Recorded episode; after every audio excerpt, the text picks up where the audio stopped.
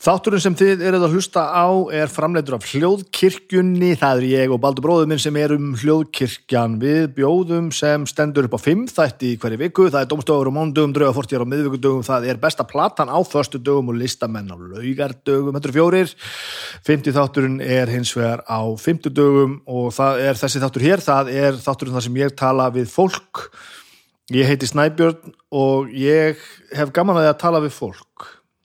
Þetta er þátturinn Snæbjörn talar við fólk.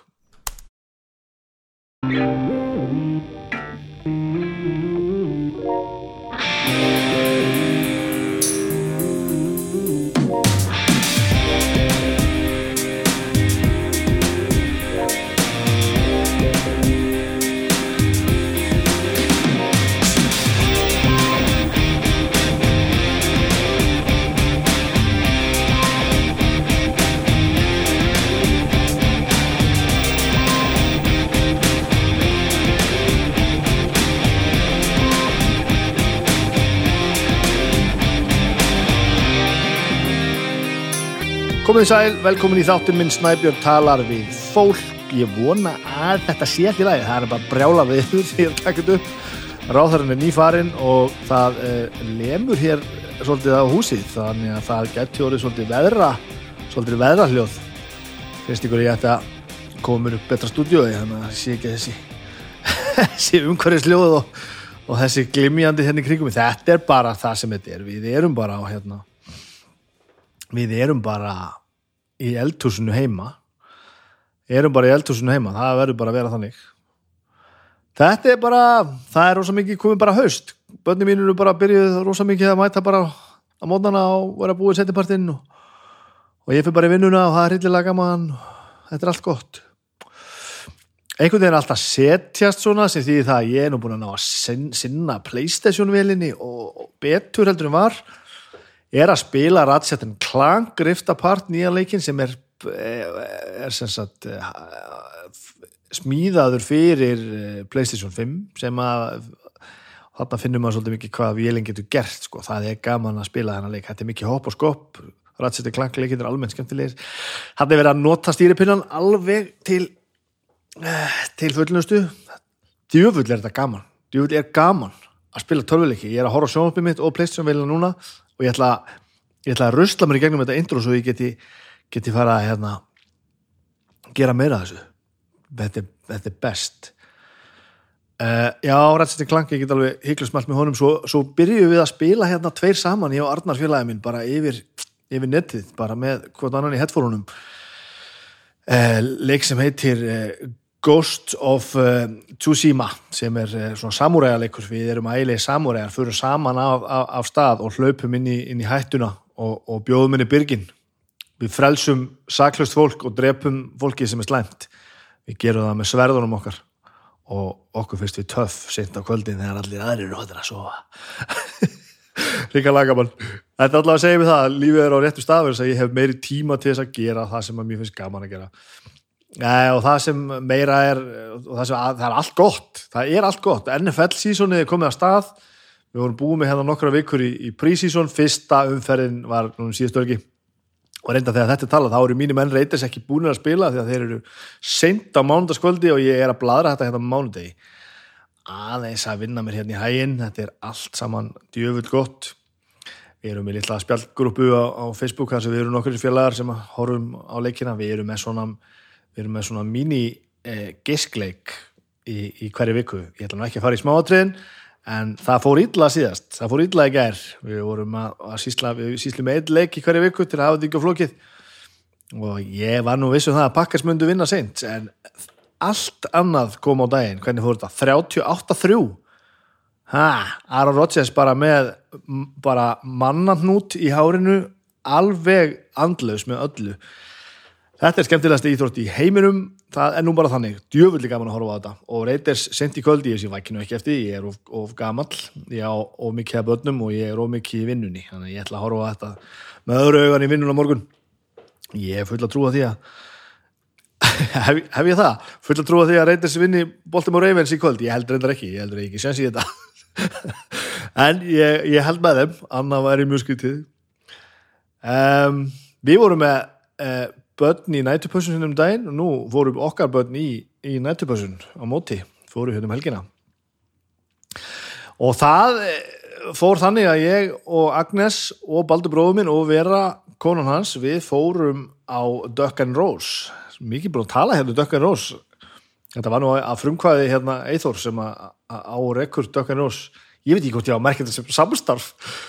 Nei, þetta var ekki eigilegt samstarf. Þetta var þetta var, þetta var við, ég fengur vissulega um, skulum segja, við, það var farið vel með okkur á staðnum en, en þetta var, þetta var hérna, meira í þetta var vinastamning frekar heldur en, heldur en beinlínir samstarf. En ég fer ekki leit með það, ég hef talað alveg alls konar hérna um, um, um staðina er að það, við fórum bara borðum á Dökkur Rós, fórum í sex uh, rétta óvissuferð og það er hildilega gott og gaman og þjónandi voru ægilega skemmtilegir og hildilega gaman og við einhvern veginn að ná að skemmt okkur aðeins og slaka þess á og svo þurfum við búin á því þá fórum við upp á Brúdók og við drukkum rosalega marga bjóla þar og hittum ægilega gott fólk þar líka. Og þetta var hildilega gaman og ég vaknaði pínu þunnur og var líka rosalega gott og svo fórum við bara náðum í börnin okkar og svo bara var amerísku fókbalti og allt er þetta, þetta er svo hildilega gott. Ég ætla að segja hashtag samstarfs til þess að koma ekki og kæri mig fyrir þetta, þetta var ekki það. Þetta var bara gaman.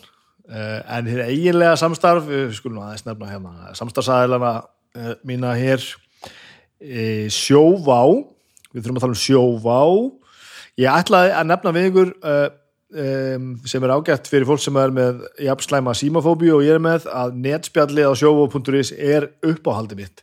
Ég sendið þeim hérna einhverju línu um daginn og þjónustar sem ég fekk þar var svo ævintýrlega snögg og það var búið að græja allt og finna einhverju anskotanskjöl sem ég hef búin að fokka einhvers þar upp senda mér þetta um hæl að áður en ég gætt almennilega útskipt hvað mér vantaði. Þannig að e, þetta var þetta Þetta, ég er ekkert að grínast með það þetta komur hennilega á óvart hvað þetta gerir strætt kannski er að einhverju leiti vegna þess að ég er að segrast á, á, á, á mínu megin djöblum sko, þannig að þetta kannski gekk hraða fyrir vikið en ég ger ekki lítið úr því. Þetta var gríðarlegu service sjó á að hjálpa mér að vera til. Ég byrði ekki um meira.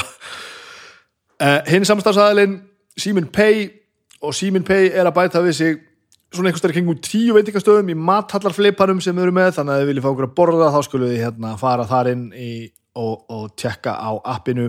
Fyrir út að leggja bílum ykkar sem ég ger svo að segja okkur á mennasta degi þetta gegn. E, þar er flipi sem heitir stæði og, en mathöllin er að bæta við sig og þar eru e, að fara í gang reglu tilbúð sem ég ætla nú að tala hérna um annarslægið. E, veitingastafurinn Chicken. Á, Chicken þar er tilbúið gangi núna. Þar er kjúklingaborgara máltíð, kjúklingur, franskar og kók á litlar 1500 krónur í staðan fyrir 2590 þetta reiknast upp í 42% afslátt og þetta gengur og gildir ef þið pantið í gegnum mathallar flipan í Simin Pay appinu. Og annars ekki og það þurfa ekki að vera mikil kvöð þannig að náðu í appið, það er alveg sér frá öllum símafyrirtækjum og netfyrirtækjum það getur get allir verið með, eh, með Simin Pay appið og farið og fáið ykkur kjúklingaborgara máltíð. Þetta er allt svo gott. Þetta er allt svo gott. Þetta er ástæðan fyrir því að þið hlusti frýtt það er að þessir snillingar sem að vilja vera með okkur í þessu uh, uh, stiði okkur í því sem við gerum. Þannig að á hvað ætlaði að segja? Tekkið á kjúklingaborgara hjá, hjá, hjá tjekkaningarnum Simin Pay og, og tekkið endilega á netspjallinu hjá sjó eða ykkur vandar vinni ah, já. Mínir eigin kvillar, ef að tala þessu um það ég har náttúrulega ótrútt að ég sé ekki hafi haf ekki byrjað uh, samtali hér í dag á þessu, uh, þessu máli.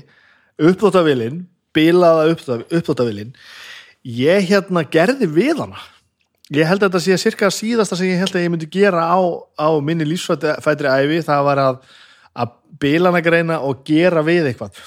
Ég, kannski, ég skipti ekkit um neina stóra íhluti, þetta fór aðalega fram þannig að ég tók eitthvað í sundur og þreif og, og græjaði og gerði hérna löðrandi í einhverju anskótasfittu og, og, og löðrandi ógiði En ég sérst að gerði þetta og þetta á pínum mói og ég þetta að þurka og að þess að skrúfa og skrúfa tilbaka og smúla og skrúpa og græja og gera. Og hún fucking virkar. Ég er að horfa á hana hérna, ég á eftir að skrúfa hérna neðsta panelin á hann aftur því ég er svo loðandur endur um þetta bíla aftur og ég þurfa að fara hatt inn aftur, ég tristi viðgerðar hæfileikum mínum nú ekki betur en svo, en ég er að segja ykkur það. Ég bara ég gerði við uppátafélina mína það er svo ótrúlegt það er svo ótrúlegt. Það er fucking ótrúlegt. Ég er, ég er að breytast í eitthvað sem ég held ég myndi aldrei verða.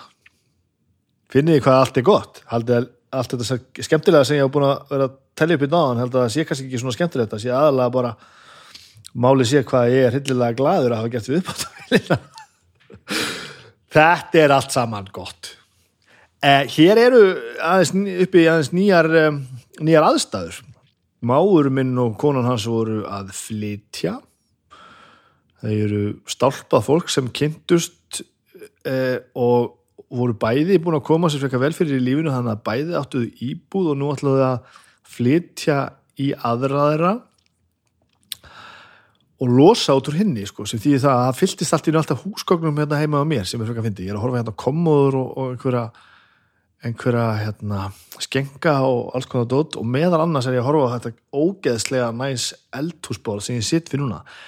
Þetta er fyrsti þátturinn eins og ég segir á þegar hann var bara að fara þegar að heyra þetta í rauntíma þetta er fyrsti þátturinn sem er tekin upp við nýtt borð og ekki nóg með það, heldur að er það lengra. Ég hef yfirleitt ekkert yfirleitt, alltaf setið á langvegin uh, haft þess að gestin uh, við annan annan endan á borðinu og ég hinum megin. Þetta borði bara svo langt. Fjarlæðin hefði verið svo mikil á mill okkar. Þannig ég hérna ég vildi ekki gera það, þannig ég stilti þessu upp á þvervegin, þannig að sem því að ég, ég, ég fann það, ég var nær honum. Ég var nær viðmælandanum heldur ég hef áður verið og það var pínu skrítið fyrst, en svo var það reynda bara ekkert skrítið, þannig að uh, hann snýr, nú snýr viðmælandi hann hann horfir með sér beint út úr gluggan þetta er enn betra enn betra útsýni og ég veit ekki hvað og hvað að, en þetta, þú veist nýjungar, nýjungar eru erfiðar fyrir, fyrir fullori fólk. Ég, hérna, en, en þetta er betra þetta er betra, það er bara sluðis og það er alls konar meira betra eh, og nýtt. Uh, hann, hann var búin að láta mig vita að þetta fá te. Og ég, ég hérna ég kefti te. Ég held að eini viðmannaldar minn sem hefur áður drukkið te var Ra- Ragnaringi, doktor Ragnaringi hann kom með sitt eigið te í vasanum og ég átti bara heitt vatnandunum en ég fór að kefti te handar á þærunum og nú á ég fullt af te sem ég var aldrei eftir- að drekka. Ég þarf að gefa mági mínu um þetta hann er, hann er englendingur. Englendingar drekkar að blað te.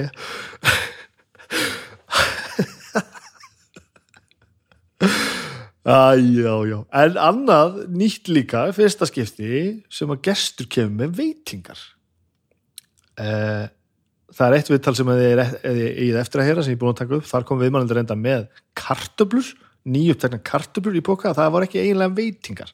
Ég man ekki eftir að áður hafi við neitt komið með eitthvað hreinlega að borða. Ég fengi gjafir hérna alls konar.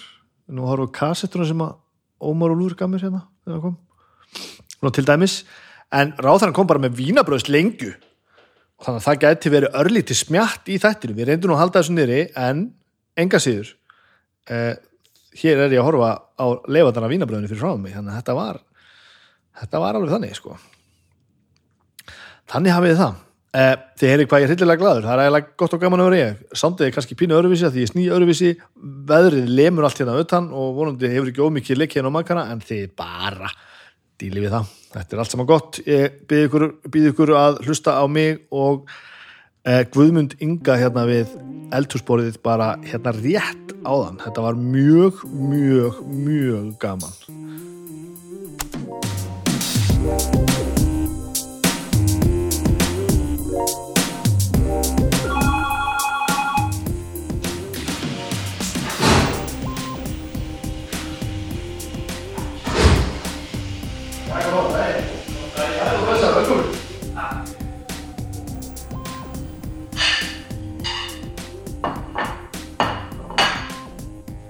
Það er margt nýtt að gera sér þetta. Já, það er nú gott. Fyrsta, þetta er fyrsta viðtalið sem ég tek við þetta borðið hérna. Ég, já, Var, að- var þessum er allt fullt af einhverjum húsgögnum hérna. já. var einhver máminn var að flytja og dömpa held í öllu þetta þetta borð var sérst hér og ég hef alltaf verið við endan og viðmælandin hér sko. Já, en þetta er lengra sko. já. og ég prófaði þetta eitthvað bara, þetta er glórust nú er þarf ég bara að fara að kalla sko. Það er að fyrsta, fyrsta skipti sem einhver hefur komið eitthvað að borða líka sko Já, það er gott að ég get gert eitthvað frábært alls saman Herri, ég er bara að kveikja þessu, við erum byrjaði sko Við erum bara að byrja Já, þú má ta taka þetta snálatir og getur Já. þetta. Ok, bara, þátt að vera alveg bara hér. já, bara eins þú bara tósar þetta til og bara eins nálægt og þú sko. Já. Og hérna er, Já, þetta er kaffið og þetta er Þetta er vatn. Já, og þetta er kalt vatn. Við heldum að þetta skýri sig Já, þú þetta að slæð Já, akkurat Þetta var Þessi er rosa flottur. Sér brúsi? Já. Já, ég kefti þetta í Reykjavík Rósters Já, Já, sé Skemmtilegur sko Hérna Ég var að pæla í þessu óvast að koma Seg, Getur þú sagt mér frá því hvað þegar þú varst ráðherra Já. hvar þú veist við förum svo betur í það eftir þú veist, alla leiðin að þanga sko. en þú veist, hvar byrjar þú að heyra að mögulega er eitthvað að fara að gerast og, og hvað var þú og, og hvern- hvernig, hvernig kemur þetta svo í þín eyru hvernig, að þetta lítur að hafa verið frekar, frekar furðuleg fæling einhvern veginn Já, sko, ég hef náttúrulega þekkt kötu mjög lengi. Katrínu Jakobsdóttur. ah, skilði Við nefnilega störfuðum sem kostningastjóra fyrir VFG á sama tíma, hún í Reykjavík og ég í norðvesturkjördami árið Þannig að þú- 2003. ert ekkert svona saklaus eða allt kemur til að Já, búin að vera í VFG síðan, eh, síðan sagt, frá stopnum flokksins já, já, og við náttúrulega höfum alltaf bara haldið sambandi og hún fór náttúrulega á þing og uh, ég var síðan hjá Landvend og meðan að ég var hjá Landvend að þá tók ég ekki þátt í neinu flokkstarfi.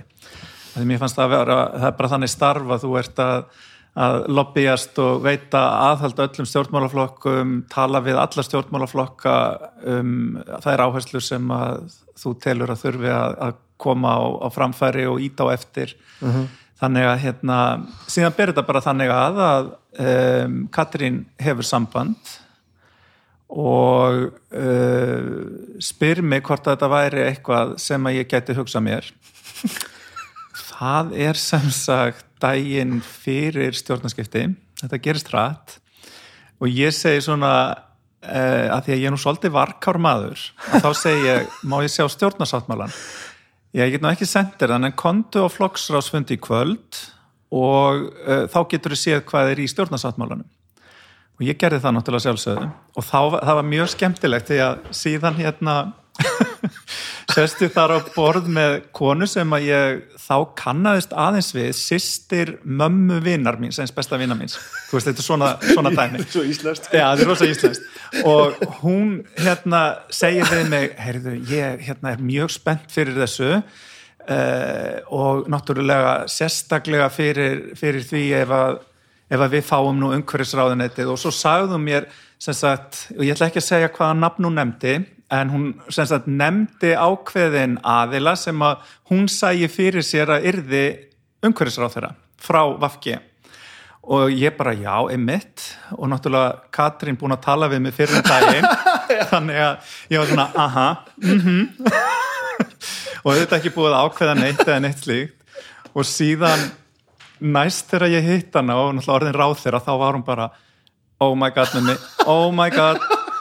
Ég er búin að vera að hugsa svo mikið um þetta og þú væntanlega vissir þá að þú kemur til grein og ég bara, já, ég hefði mjög gaman að þessu. Og síðan bara heyrumst við þarna síðar um kvöldið og þá þegar ég var búin að sjá stjórnarsáttmálan þá hugsaði ég þetta er bara einstak tækifæri til þess að vinna að málefnum umhverfis lofslags náttúruvendar um, og færast frá því að vera gaurinn sem er að veita aðhald alla daga í að vera gaurinn sem að er að framkvæma. Já, já, og það er náttúrulega bara einstak tækifæri og síðan ákvaði ég bara að skella mér út í pólitíkina.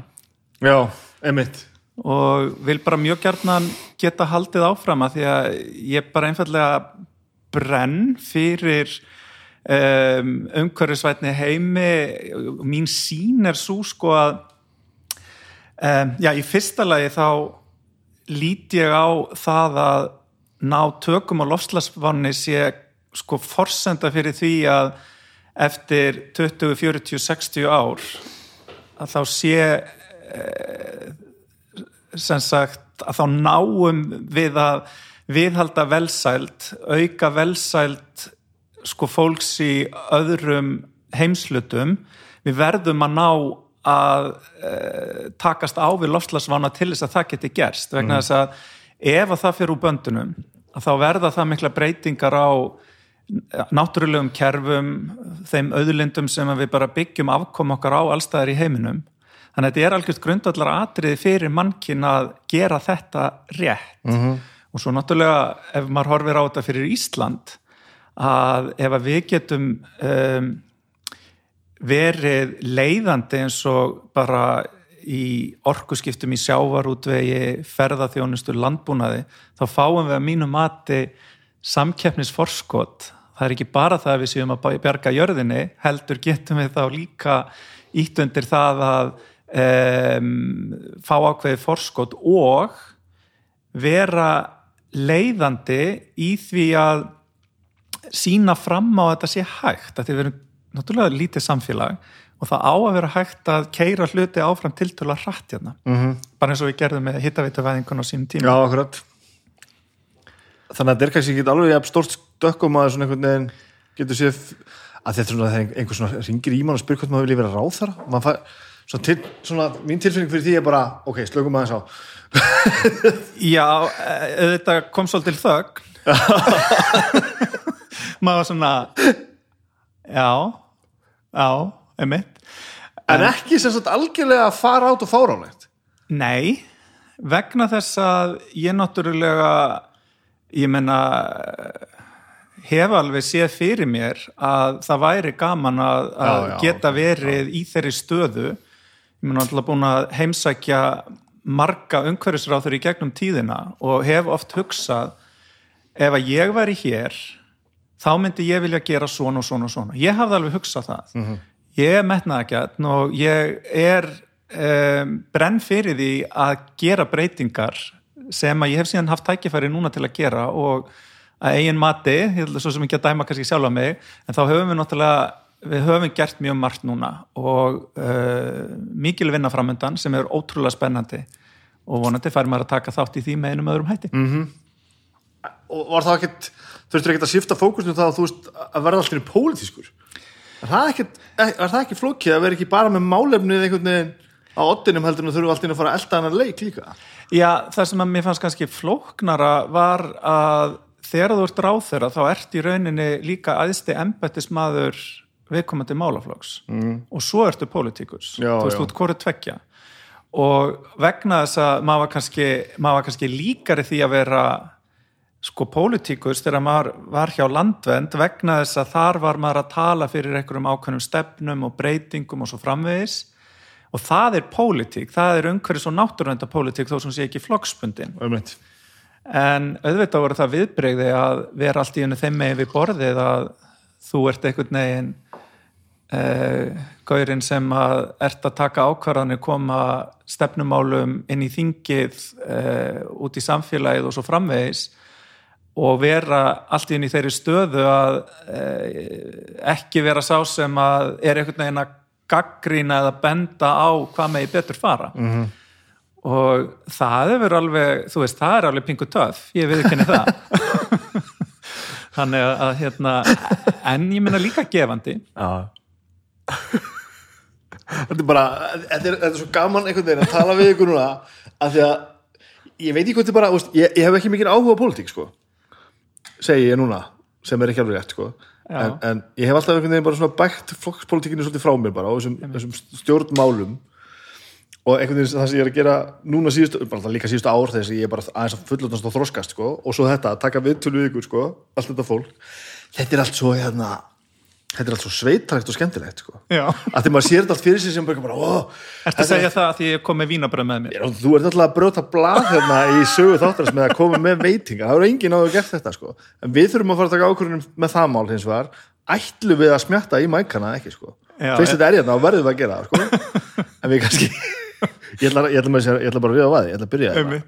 old school uh, vínabröðs snild En þetta sem þú varst að segja, sko, ég held að um, við, sko, maður ma ma sér og kannski er það mest ábyrgandi hjá ungu fólki að það er mjög pólitíst, það er ekki endilega flokkspólitíst en það eru svona myndast hópar í kringum ákveði málefni eins og lofslagsmál eins og málefni hinsegin fólks eins og málefni sem að, að hérna, já, tengjast me too eða uh, kynbundnu ofbeldi og áreitni og svo framvegis og framvegis. Og það er mjög áhuga að vera þróun í svona líraðisleiri umræðu sem ég held að sé mjög jákvæð. Að mér finnst við vera að fá fólk meira og meira einhvern veginn inn í uh, svona hópa.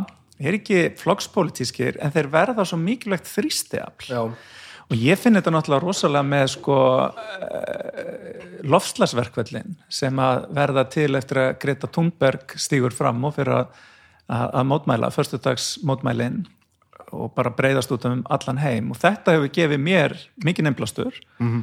og mér finnst þetta sko til dæmis og ég tækir bara þetta dæmi þetta réttur svo MeToo hefur breytt að mörgu leiti sko bæði umræðinni í lofslagsmálum en líka þekkingunni hún Já. hefur aukist, fólk hefur lagt sig meira eftir því að kynna sér um hvað fjallar þetta nú, hversu mikilvægt er þetta og þá er ég að tala um bæði bara almennt út í samfélaginu, í fyrirtækjum og í stjórnmálunum. Þetta sérðu núna, í fyrsta skipti eru lofslagsmál uh, kostningamál. Já. Já. Eða, ég vil meina að þau séu það. Þetta er það sem að flokkarnir eru flestir með á, á sinni stefnusgrá og framalega í kostningaáherslum.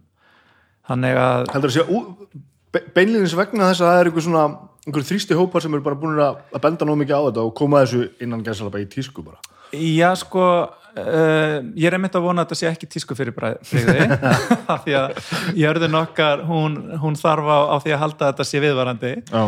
en um, já ég er alveg samfærður um það að þetta hefur haft áhrif mm -hmm. af því að þetta er líka út um allan heim þannig að sko þú veist um segjum bara aðri ráþarar en umhverfisráþarar þeir fara líka á fundi Erlendis finna fyrir þessum ströymum mm -hmm. finna líka fyrir þrýstingnum og svo framvegis þannig að auðvitað við í Vafge sem að komum inn í þessa ríkistjórn og stýrumennu Katrín hefur haft þetta mjög mikið á ottinum lofslagsmálinn og náttúrulega ég líka um, en það hefur alveg farið inn í önnur ráðuneyti og, og aðri ráþara þannig að ég sko kannski bara ef að maður dregur það saman ég er miklu miklu bjarsýtni heldur en ég var fyrir svona þremur árum tala nú ekki um fimm árum um að við náum að gera enþá starri og meiri eh, hluti sem að munu leiða af sér þær breytingar sem að þurfa að verða á samfélaginu okkar og kerfunum sem að við byggjum bara efnahægin okkar á. Við byggjum hann rosalega mikið á í heiminum ólíu, kólum, gassi uh -huh. það drýfur áfram orkuna, orkukerfin okkar. Og við þurfum að skipta því út fyrir endur nýjarlega orkugjafa. Og svo þurfum við að takast á við að það er víða landeyðing, skóareyðing og svo framhegis þannig að við þurfum að, að, að, við þurfum að grænka líka. Já. Þannig að þetta er einhvern veginn eh, ég er bara miklu bjassitni á það að okkur takist að ná tökum ásu og það er bara svo mikið í húfi að þetta verður að vera fókusverkefni hjá okkur. Já, hvernig er fyrir þig uh, ég held að hlutallir var saman á þessu, þú veist þó sem við viljum kannski ekki taka þátt í það því að henda það mikið alveg. En hvernig er fyrir þig að koma inn í þetta verkefni nú er hérna að spyrja því bara veit ekki alveg hvernig pólitík virkar alltaf, sko. getur þú einbættið svolítið mikið af þessu og látið annar bara slæta, þarf ekki að taka, taka þátt í hinnu stöfinu, ég veit þú ert áþara og fyrir ákveðin verkefni og svoleiðis en sko mín gamla sína á þessa pólitík voru bara svona sex gráir miðaldra menn sem reðu öllu einhvern veginn og hópaðin sem þú ert að tala um, veist sem eru að láta þessi heyra núna og það er bara að því að Greta er að segja einhvers þar þá, þá í alveg gerist eitthvað, þetta voru bara svona gjammandi leiðendapúkar sem voru að koma sín á framfari, svo voru bara þessir þessir menn sem lögðu bara bílunum sínum hlið við hlið, fóru bara inn, ákvaða eitthvað og maður horfa á sjónalpið og bara já, þetta var nú gaman. Já, ég held að þetta hefur breyst og sko þar sjálfsagt spilar inn í bara bæði breyttur tíðarandi. Þetta er ekki bóði að gera þetta svona. Já. stjórnsíslan er líka kannski bara eh, sterkari. Hlutverk starfsfólksráðuneytan er að leiðbeina ráðverðanum, gefa hann ráð það er ráðuneyti ráþurans það er fólk sem að situr í ráðuneyti sem á að ráðleikja ráþuranum, hann tekur ákvarðanirnar um, um, um, á- sem sagt, á endanum. En sko svo er líka ef þú hugsar bara um breytingarna sem að hafa orðið á því hvernig við fáum upplýsingar veist, á þessum tíma sem að þú ert að lýsa þegar það voru sex gráklættir karlmenn sem að Já, ég voru líka gráður á litin sjálfur. Já, já og gráir á litin, það er mjög góð punktur.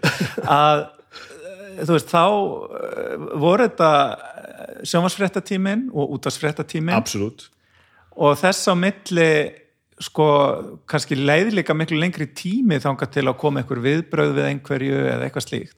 Núna gerist þetta strax á samfélagsmiðlunum og það er líka þrýstiafl. Það er hægt að bregðast við Já. já, og fleiri geta tekið þátt í því að bregðast við. já, já, já, já.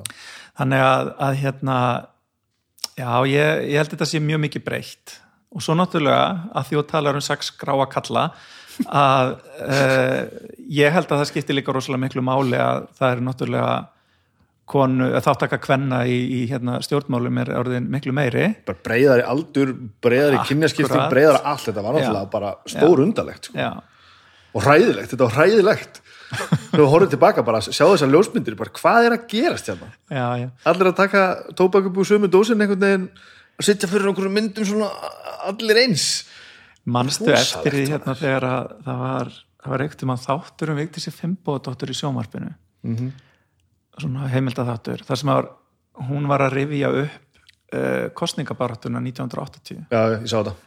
Og ég man svo vel eftir því að sko gaggrínin sem að eh, og þetta heyrði mann í þættinu, ég var bara þryggjára þegar hún var kosin, svo það sé sagt. Um, að gaggrínin sem að meðal annars kom fram á hana var það að hún ætti ekki mann, hver ætti að vera bóndin á bestastöðum hún svaraði því uh, auðvitað listi vel eins og öllu öðru.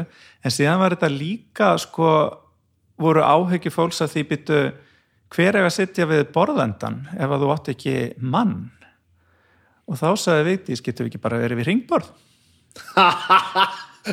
Skilur þú veist og þetta er svo mikil snild og hugsaði lausnum í fyrsta lagi og í öðru lagi bara svona æ, come on, já, slá þessar tillu ástæður út hvað kjaftaði er þetta eitthvað, eitthvað þessu var einhvers gaut á hana að þetta væri svo tímafrækt jobb og erfitt að ef hún ætlaði svo að fara betur hún átti dóttur sína þannig ef hún myndi Já. fleiri börn sko, hvernig hún ætlaði að koma svo að sko, að vera með, vera með batni á brjósti og stýra sko, um leið? Og hún svaraði bara þannig, þetta er í beinni í sjónvarpinu þetta er til, þetta minnski að hún væri nú ekkert að stefna að vera með íslensku þjóðaninn eftir á brjósti þetta kemur að koma þessu tvennu saman sko. svona, svona þusandi gráir menn að segja ykkur svona þvælu sko. Fara, hvað er að gerast en auðvitað þetta sjálfsögðu orðið allt annað já, já. sem betur fyrr sem betur fyrir En við eigum samt líka alveg sko, það þarf enn að útrýma launamun kynjana Já. það þarf enn að uppræta kynbundið, ofbeldi og áreitni og Mhm. meina, það hefur verið stígin mjög góð skref á undanförnum árum en þú veist, þetta er, þetta er líka einhvern veginn, mann finnst stundum eins og þetta sé eiliðarverkefni auðvitað launamunur er eitthvað sem við bara verðum að ná eh, hraðar þó svo að það hafi alveg dreigið úr muninum núna á síðustu árum. Og síðan þegar kemur náttúrulega að kynbundnu ofbeldi og áreitni að það er bara mikið böl á samfélaginu.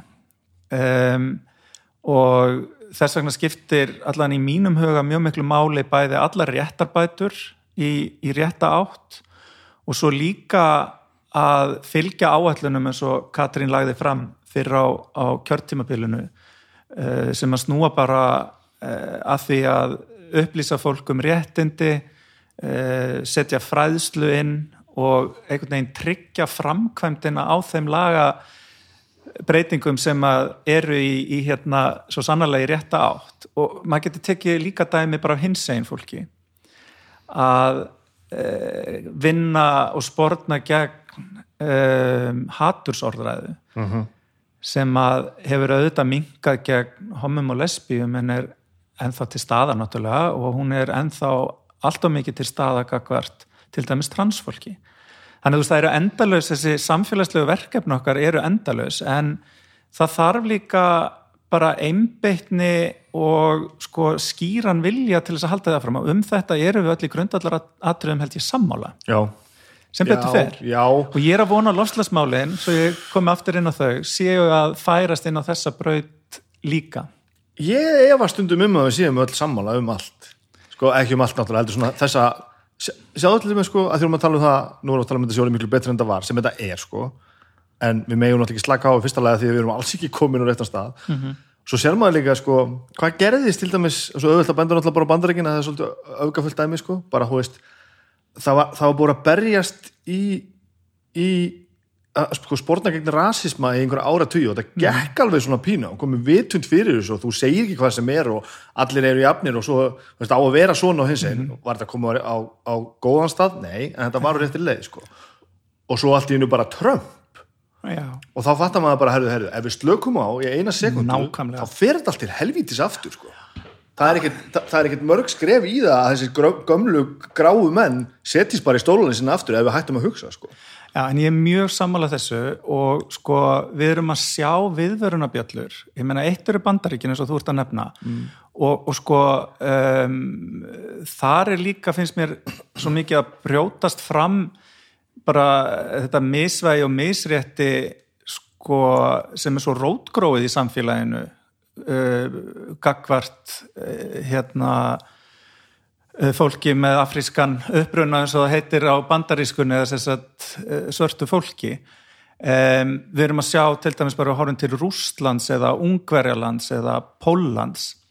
Breytingar varðandi sko stöðu kvenna og til dæmis varðandi fóstureyðingar. Við vorum núna þessu kjörtímabili að uppfæra okkar þungunarafslöggjöf færa hana til nýri tíma. -hmm. en og sama gagvart hinsegin fólki í mörgum af þessum löndum sem ég nefndi. Og þess vegna er ég svo sammálaðir að við megum aldrei sopna á verðinu þetta er viðvarandi verkefni og við erum, við erum ekkert komin í, í land. Nei, og svo langt frá því, sko. Og, og, og langt frá því. Og líka sko svo er alltaf eftir að spyrja sig kemst maður einhvern tíman í land? En um, ef að við sko hugsum ekki með þeim hætti að við þurfum alltaf að gera betur og alltaf að fara lengra þegar kemur að mannréttindum þá erum við ekki á góðum stað. Því það er líka eitthvað sem að sem að hérna ég held að vinni gegn því að svona bakslag komi eins og maður hefur séð. Á, á meðan við getum ekki jafnar launamun kynjana sem að bara er hægt að mæla og sína fram á þá erum við ekki að gera hlutinu vel. Það er bara, ég get bara sýndir tvær tölur og það eru ójafnar, Já, við þurfum að þessi tala þarf að vera jafna og þessi hérna Já, og við getum það ekki. Nei, nei.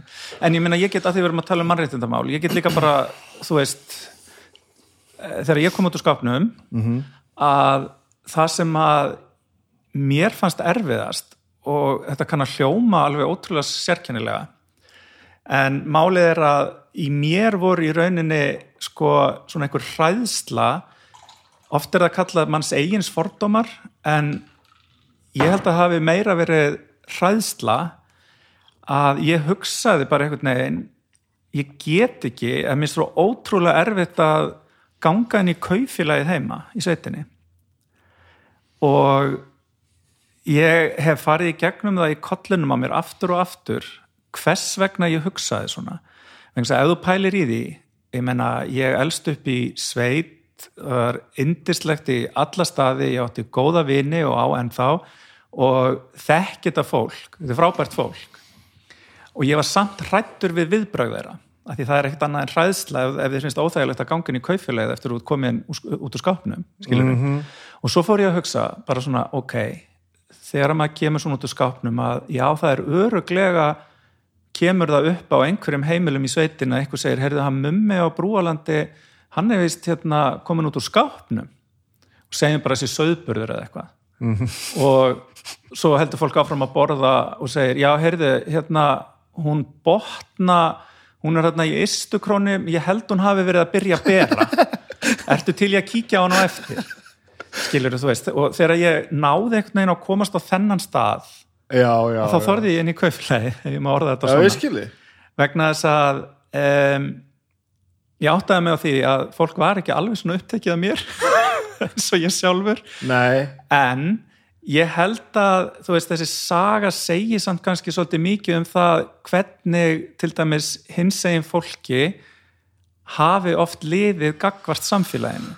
Og eftir því sem að samfélagi verður opnara fyrir því að það sé ekkert eðlilega en þú sért hins eginn mm -hmm. að þá verður, verður þetta auðveldara og hérna hræðslan við kaufélagsferðir þeim fækkar En þú veist heldur þetta sé ekki er þetta ekki líka bara spurningum að þú ert að fá aðtikli sem að þið kannski langar ekkit í bursið frá sko, skoðunum og, og fordómum og öllu svoleiðis Meina, það, það er auglustlega frétt ef, ef einhver sem kannast við kemur út úr skápnum já, já. Þú, veist, það, það er eitthvað sem nefnið við vinniðina því að þú veist mm -hmm. ba, mhm. bara þetta er svona bara eins og hann var að skipta um vinnu sinnum svona fimm, skilur þú En er þetta samt ekki að breytast sko, ég já, veist, þetta er alveg rétt hjá þér en ég held samt að þetta sé svolítið að breytast og hjá yngra fólki sem að ég eh, held að sé bara meira að prófa sér áfram með mismunandi kynjum Já. og sko mér langar að við séum þar að e, við tölum þá um það að það sé frétta eitthvað sé gagkinuður okay. skilurum mig Já. Það á ekkert að vera minni frétt heldur en ef einhver er hérna, hins einn ef þú hugsaður í prinsipinu Í prinsipun, já. já. En við erum samt að tala um að gagkinn eða fólki er miklu fleira. Já, það er normið. Það er normið. Já, en ég er líka að tala um bara tölfræðina, sko. Já, já, akkurat. Þannig að, þú veist, það lítur ennþá að vera pínu meiri frétt þegar einhverju er það ekki. Þetta finnst mér alltaf spennand að heyrum svona. Einhleipur maðurinn. Nei, nei, ég segi svona. Ég er að tjóka. En, en hérna, en þú skilur samt hvað ég er að meina. A, absolutt. Og þetta er eitthvað sem að þegar maður kemur út á skápnum og já, í mínu tilfelli, já, já, það var frétt ég var búin að hafa konu í sjö ár mm -hmm. og ég gerði þetta einhvern veginn þannig að ég bjóð nú í bandaríkjunum þessum tíma, var í námi þar og kem heim um jólin og hérna það er svona típist maður, þú veist, kemur með morgunflýinu klokkan 6 ég var komin í sveitina klokkan 9 um morgunin og mamma byrjar að reyna að, að hérna, tróða mig út af mat byrjar að horfi svona sposka á mig og segi, ekki sposka, horfi svona, svona, já, svona pingu óvíkjöfull á mig og segi, þú er grenst það er náttúrulega ekki gott. Já, mamma veit hvort það er gott af já, já, það er bara ekki, ekki þannig. Það er svona eitthvað að vera utan á stráknum. Og ég segi bara, já líður þér eitthvað ítla eða, ég bara, nei, nei, nei, ég er mjög góður. Og svo byrjar hún bara að yfirherra mig. Og ég bara, að endar á því að hún segir ertu samkynniður? og ég bara, mamma hvað fyrir allir í hnút. Og svo segir klukkan er nýju og ég er ekkert sofin og já, já, og breytir það því eitthvað, það því eitthvað hvort þú sér samkynni og ég bara, oh, mamma mín er alltaf vel gefin. Og ég gæti náttúrulega ekkert annað sagt en bara já, það er þannig einmitt, og síðan, þú veist þá fer ísina brotna og allt þetta. Um, og síðan endar það eiginlega þannig að ég segi svona við mamma og pappa að ég er því ekki til ég að láta ættingina bara vita? Og mamma og pappi þau eru svo indislega þau fóru bara og ringdu skipulega í alla. Og letu vita bara. Já. En ég er að segja þetta líka vegna þess að sko ég hef upplifað það alla mína æfi að vera eftir að koma út úr skápnum að vera að koma út úr skápnum gagvart fólki. Og það er eiginlega ekki fyrir en ég verður á þeirra og bara þjóðin veit að umhverfisráþarann eru hommi. Já, já. að ég, veistu það, mér fannst bara svolítið svona smá fargja mig létt, heyrðu, nú bara vita þetta allir. Bara svona réttu svo allir vita, allir eru gagkinniðir já, svona er þetta hjá gagkinniðir fólki Já, þú meina þetta, já, þetta er áhugavert. Já, þetta er nefnilega mjög áhugavert. Og hérna, ég meina þú veist hvernig þetta er, það er talað um að menn séu mishomma leigir og allt þetta. Og Ég held að ég hef alltaf verið svolítið homalegur ef við getum notað, hérna, verið að búa til einhverja svona hópa sem að mér er reyndar illa við að gera. Og mér sko, eftir því sem ég verði eldri og ætlum ég að fá að sletta að þá vil ég bara óna þetta meira og meira. Já, já, já. Þú veist, ef að ég er að fá mér í glas að þá fer hérna litli puttin alltaf út frá glasinu þú skilur hvað ég menna og hann fyrir að reyfast svona stundum og, og þú veist þetta eru einhvern veginn mínir taktar sem að fólk eru oft bent mér á og ég segi bara já, það er bara svo fabulous að vera hommi, þá er maður svona. Hva, hva, þú ert að segja þetta núna? Hva, hvað er þetta? Af því ég fatt alveg hvað að segja þú sést svona innan þessar skilgjarningu, þú ert svona svolítið, svolítið hommalegur. Já, já, og ég elska það. En auðvitað, þetta er frábært. Og, og ég þekki rosalega marga sem eru með þetta sama sko. Og þú ert að segja þetta núna bara, hvað er þetta? Þú veist, hvaða þetta er er þetta tengt kynheiðinni, þetta fas ég veit það ekki. Er- en þú veist, þetta er fjölbreytileik ég bara líti á það þannig og er það finnst mér frábært. En bara eftir því sem að maður eldist að þá uh, finnst mér þetta bara eitthvað sem að ég bara er stoltur af þessu í, í hérna mínu fari. En stundum þegar ég horfa á vídeo af mér þú veist, stundum að taka þú veist, í þessari pólitík þá erum að taka svona vídeo af einhverju sem maður er að gera og ég bara svona rosalega er ég með marga svona takta sem að benda til þess að ég sé gay. Bara, hmm, og bara, að, mér líkar þetta. Skilur sem að ég er ekkert viss um að sérstaklega áður en ég kom út úr skápnum að ég bara hefði meikað og áður en ég kom út úr skápnum var maður svona að reyna að, að svona, hvað segja, að bæla svolítið eitthvað sem að manni sjálfum síndist mögulega að vera einhverju taktar í þess átt. Og þegar þér líður þannig þá líður þér ekki nógu vel í Nei, einn skinni. nei, nei. þannig að, að hérna, þess vegna er svo mikilvægt að við uh, sportnum gegn sko bæði hatursorðræðu en líka bara óþarfa kommentum um eins og æ, verður nú ekki svona homalegur eða skiluru og svo framvegis. Fattar það hvað er að meina? Já. af því að það er svo mikill óþarfi og við erum bara eins og við erum og eigum bara að fá að vera þannig og ég meiri segja sko af því að það er, það er svolítið svona rebel í mér. Þó svo að ég mörgum þykir ég oft ofdannaður og ofkurteis og allt það. En sko ég hef alveg stundum þegar ég hef verið til dæmis, og nú kannski sérstaklega áður en að alþjóð viss að ég væri hommi og var, þegar ég var ráð þeirra að maður kom kannski inn á svona fundi þar sem að voru aðalega ok, ég ætla ekki að nota þín orð, ég ætla samt að gera það. Gráir karlmenn. Yfir ákveðnum aldri og þetta eru mínir fordómar gagvart þeim að þá gerði ég stundum í því að vera svona pingu homaleri Já, já. og ég sagði, ég, ég reyndi að finna ástæðu til þess að segja það að ég væri það. Vegna þess að, og, og þetta er mínir fordamar gagvart þessu ágæta fólki sem, er, sem að, þú veist, það, það er engin að segja að, að hérna, gráu kallmenninni síðan til með eitthvað, þú veist, fordóma gagvart þessu Mæ. en skilur samt hvað ég er að fara og þetta er einhvern veginn, ég hef líka gert þetta ég hef gert þetta í eitt eða tvö skipti á erlendri grundum sem ráþera þegar ég hef verið á einhverjum stöðum þar sem að mér finnst mikilvægt að fólk sjáu að um, hins einn manneskja sé ráþera Já. og veit ekki hvort þú tókst eftir í til dæmis þegar Lavrov, utaríkisráþera Sovjetiríkjana, nei, við með góður Rússlands, Jésús minn, ég er komin að lengst aftur. Það er óþarlega gráður þessi Já, kom ég hérna á, á fund og ég var með svona regnbóagrímu sem að voru svona þögul skilabóð Já. En þetta er svo, samt svo óbúslega mikilvægt sko. Já, samála Guðni, fórsetið er búin að vera mjög dulluð við þetta svona mm læðinn pínu regnbúðaskilabúðum hingað og hangað Já, það er mjög flott. Ógeðslega gott maður. Að vera að fá að spóla tilbaka, ég er búin að hugsa um þetta síðan hún sagði þetta að þú upplifir að væri alltaf að koma út úr skápnum fyrir öllum einhvern veginn Mhm.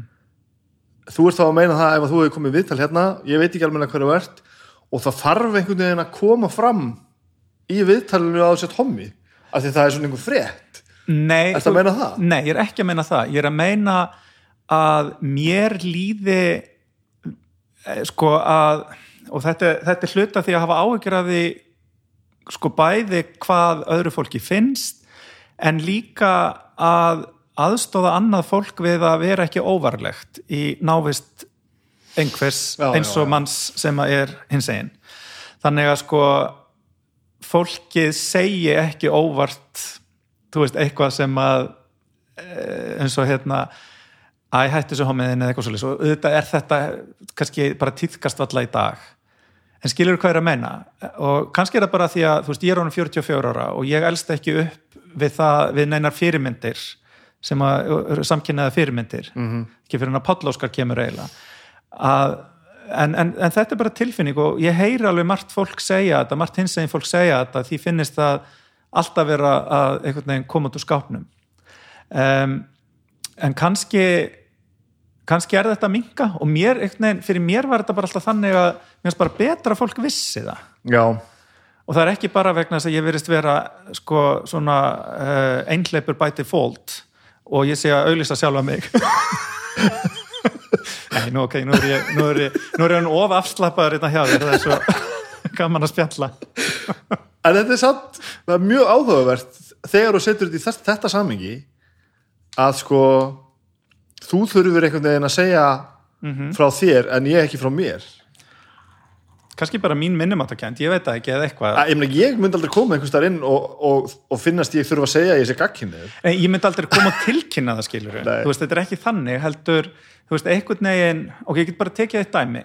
Þegar ég kem heim frá bandaríkjunum og þetta er ég þá svona, veginn bara aftur að fara að fóta með íslensku samfélagi búin að vera út úr skápnum í tvö ári eða eitthvað svo leiðis að þá er ég á stórum vinnustað tiltölu stórum vinnustað svona 50-60 manns væntalega og þar var meðal annars fólk sem að vissi að ég hafði átt kærustu.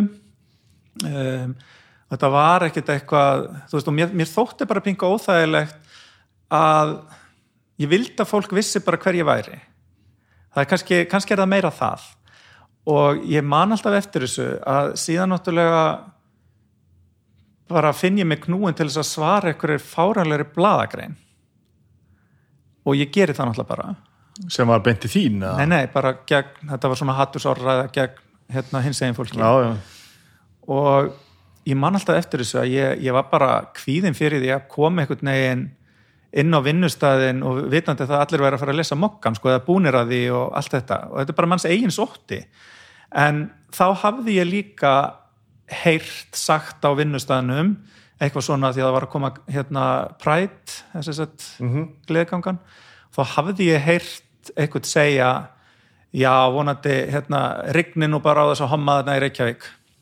Og þú veist, það kom náttúrulega augljóslega við mig, en gerði mig ennþá ákveðnar í því að nú skildi nú allir átt að segja því að það væri nú einn homma meðalegra, sko, að því þú veist, það er bara það er bara fætirinn í mér, sko, baráttumæðurinn þannig að þetta er kannski meira, skiluru bæði að verja sjálfan sig en líka að við sem erum hinsegin erum út um allt Já. ég veit ekki Mm það er náttúrulega skilgjörningin sem við fengum sem börn er náttúrulega galinn sko. það er eitthvað rosalegt við þetta að það séu allir svona og þeir sem er ekki svona eru bara eitthvað frávik sko. -hmm. svo fyrir maður að skoða sjálfa sér líka bara svona í þessu ljósi bara ef mér hefði verið sagt veist, öðruvísi frá ég hefði örugglega gert fullt af lötum öðruvísi sko. ég var alltaf nú bara rosa mikil maður sko. ég er nú frek, freka gagkinnið sko. En ég er ekki um ekki reyna við mig hérna í beinni. ég er ekki reyna við akkur núna ekki, reynda þetta vínabröð kemur stertinn en, en hérna ég held samt ég hefði farið inn í hlutina ansi marga hluti bara öðru vísi sko. Ef ég hefði ekki default reiknað með því að þetta væri bara svona sko. Ég, svo, svo, ég fengdi það aldrei í mínu tilfelli sko. Nei. en ég hefði örgulega sagt hluti og gert hluti sem, að, sem ég gerði annars ekki sko. En ég meni, ég upplýði þetta líka alveg svolítið eins og þú að, og er, þú veist, ég kem út úr skapnum 27 ára -hmm.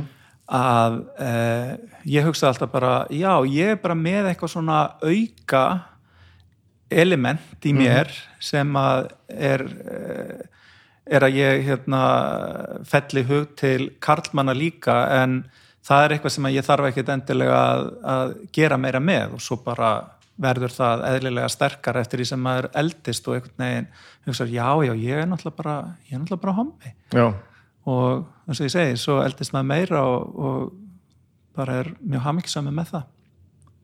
Er þetta ekki samt einmitt þetta sko að e- ef að við hefum fengið upplýsingarnar aðeins öðruvísi þá hefur þú bara farið bara, fimm ára, segja það bara. Ég veit ekki. Nei, menn, þá, hef, þá hefur þetta bara farið veginn svona áreitluleysari leið. Og þú, þá, þá, ekki, þá þarf ekki efast um neitt eða búast við í að eitthvað sé einhvern veginn. Nei, það er akkurat máli og það er það sem að ég, svona samfélagi hefur breyst gríðarlega, segjum bara á síðustu 45 árum, ég menna samtökin eru stopnið 78 og hugsaðu þér til dæmis þegar maður hérna les endurminningar og æfisögur manna eh, sem að eins og Einars Jónssonar. Uh um, hvað þetta fólk þurfti að þóla sko bara mikið mótlæti og, og hérna og niðurlægingu sko.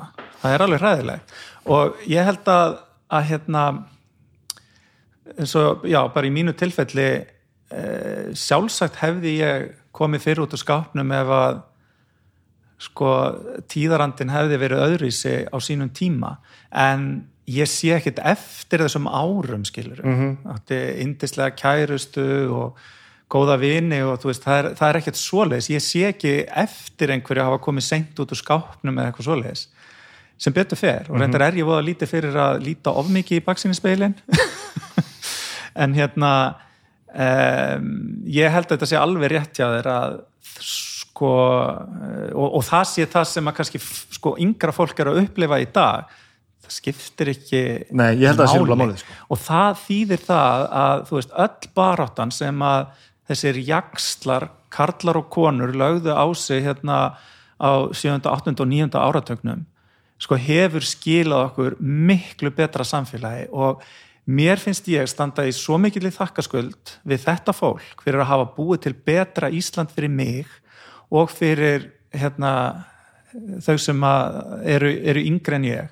Og þess vegna hugsa ég líka oft sko að því að ég meina ég er hérna um, er ráþera uh, í sko uh, ég er í valdastöðu og þess vegna finnst mér mikilvægt að fólk viti að ég sé hommi vegna þess að ég, ég vona það að það gefi sérstaklega ungu hinsegin fólki bara fullvisum það að það að maður sé hinsegin sé ekki að koma í veg fyrir að maður getur orðið einna ráðamennu þjóðarinnar. og líka á erlendri grundu að Ísland sé land þar sem að við erum ekki að pæla í svona hlutum eða, eða sko koma hérna að þú getur verið hinsegin ráþera og sérstaklega þegar maður heimsækir lönd sem að uh, þessi réttindi mættu vera betri. Og ég var alveg nýtt tækifærið. Ég menna hérna kom uh, orkumálar á þeirra bandaríkjana sem hafi verið í Texas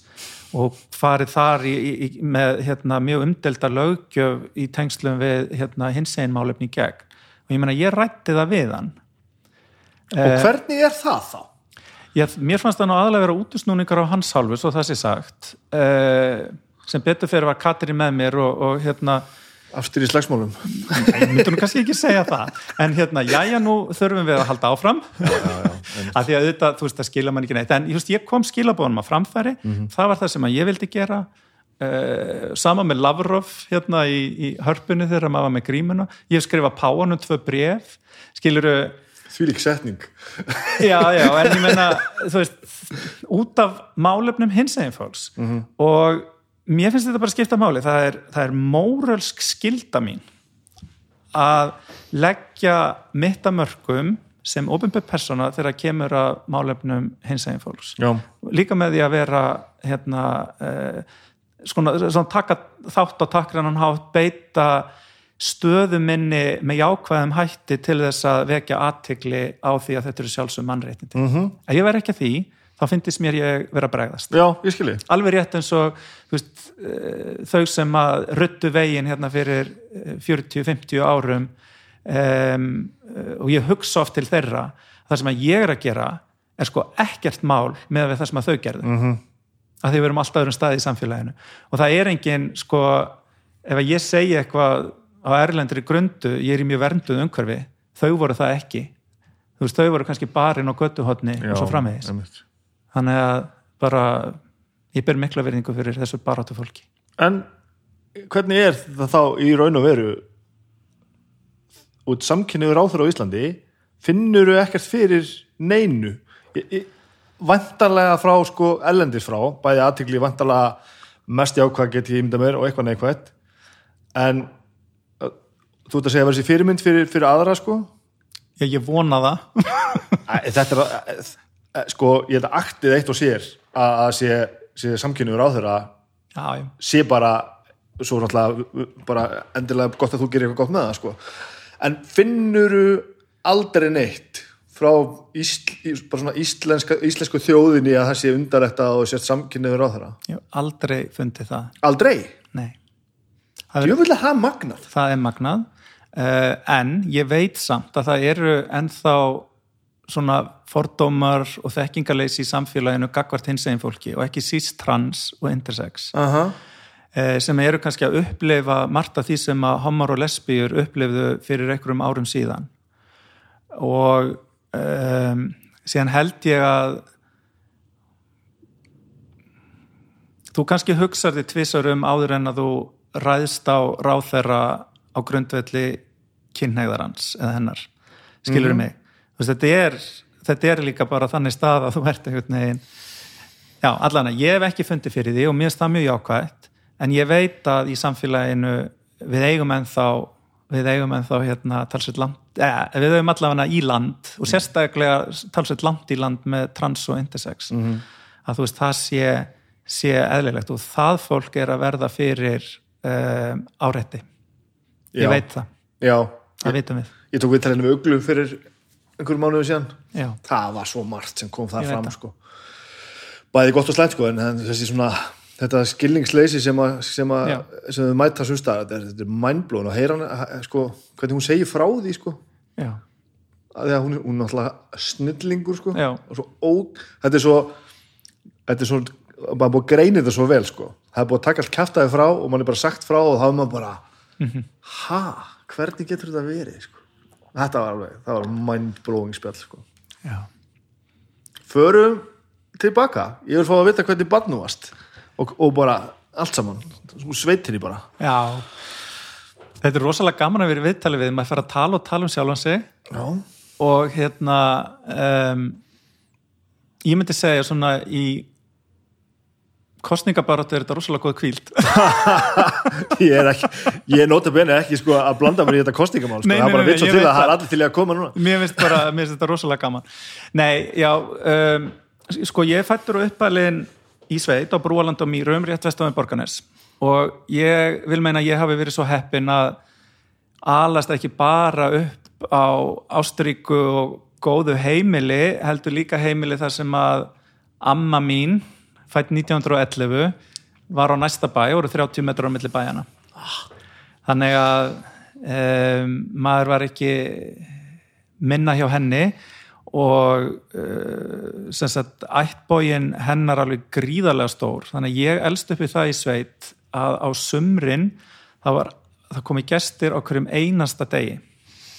Það var eiginlega bara aldrei hlýja hjá ömmu. Mm. og aldrei sá ég það á henni að hún var eitthvað þreytt á því veist, það voru sískinennar það voru sískina börn barnabörn sískina hennar eh, það voru þú veist, skildmenni Ava sem að, eh, var reynda dáin það var brottflutt fólk úr sveitinni og, og hérna bara, og svo framvegis og framvegis. Þannig að maður ekkert neginn nær held ég endan á þessu svona um, uh, stór fjölskyldu sveita heimili Mhm. og ég var alveg ofbáðslega eh, mikill uh, bóndastrákur Hérna, það voru sem sagt uh, voru kálvar heima pappi hætti mig kýrnar ára áður en að ég, nei ára eftir ég fættist það voru svín það voru kindur Já, og já. hestar og svo náttúrulega hundar og kettir þannig að maður um, elst upp við þetta og einhvern veginn ég er líka alveg þannig upp að svona kunna lesa landið. Pappi minn er mikill landgræslu og skórektamæður og uh, hann kendi manni ótrúlega margt sem að snýra því einhvern veginn þetta land er ekki nógu vel farið. Já, já, uh, hér þyrfti að græða upp um, föður bróði minn sem var einhleipur og barnlaus hann sem sagt, bjó, bjó með ömmu. Uh, hann var með kindurnar og hestana. Uh, maður sóttu náttúrulega mikið að fá að fara í útreðar og ég var svona rollukall. Algjör rollukall og ég ætlaði svo sannarlega að verða hérna fjárbóndi. Uh, átti orðið 10 eða 15 kindur þegar ég var orðin úlingur og uppáðs liturinn minn fyrir þau sem að þekkja hérna, liti á, á fjö var svart botnott nú séu reykur upp stóra augu. Ég mann þetta ekki lengur sko. Ég kunni þetta nú nokkuð vel einsunni sko. Sko það er náttúrulega bara fallegasti litur á fjö sem er til að mínu mati. Það er, það er svartar kindur með hvítan kvið hvít á, á hérna kringu dindilinn og undir hálsinum og síðan augabrúninnar svona black metal fyrir Já, nákvæmlega. En það er svolítið gaman þegar maður rifjar þetta allt saman upp því að sko, við vorum bara tveir bræðurnir, bróðum minn fjórum, fjórum árum eldri en ég, en ég, sko, vinir mínir voru ekkert minna dýrin. Já, og ég hæmdi að mér sérstaklega kindurnar eh, en líka svínina einhverju leit og ég, ég svona, það tala um að fólk sé að ímist fjárglögt eða ekki þar að segja að það þekkir hérna skeppnur eða ekki. Og ég var svona einn af þeim sem var sæmilega fjárglöggur. Og einu sinni tók ég mig til að því að það voru bara nummer á öllum kindunum og ég skýrði þar allar, þær voru 350 og það var alveg pingu sko áskorun. En ég endaði á því að fara í kúaskýslur til að ná í nöfn það, þaðan ljómalind, búkolla. Og þegar frændi minn sagði svona, finnst þér þetta viðægandi nöfn á kindur, þetta er eiginlega allt hérna uh, kúanöfn. Og ég segi, verður nú ekki með þessi smáatrið, það þarf að skýra. Það þarf að skýra kindurnar allar. Þá var maður kannski 8 ára, ég veit það ekki. Og, og þekkt, þekktur það með nafni á færi þá allar það Já, sko, Ekki 300 stykki. Já, ég lærði eiginlega nummerin á þeim fyrst. Já, já, já. Af því að, þú veist, það er verið að marka eða taka undan eða hvað er verið að gera og, eða hleypa til og þá þarf að, að hérna, vita hver er hvað. Frændi minn var óskaplega fjárglöggur. Þannig að þetta ma maður ólst upp við þetta. Og ég man alltaf, ég var svolítið skap mikið bann og ég man að á sumrin þegar kindurna voru á fjöllum að þá voru það bara hrútarnir sem voru heima og ég sko, ég, ég fór stundum ef að mér var mikið niðri fyrir og leitaði ásjár hjá hrútunum.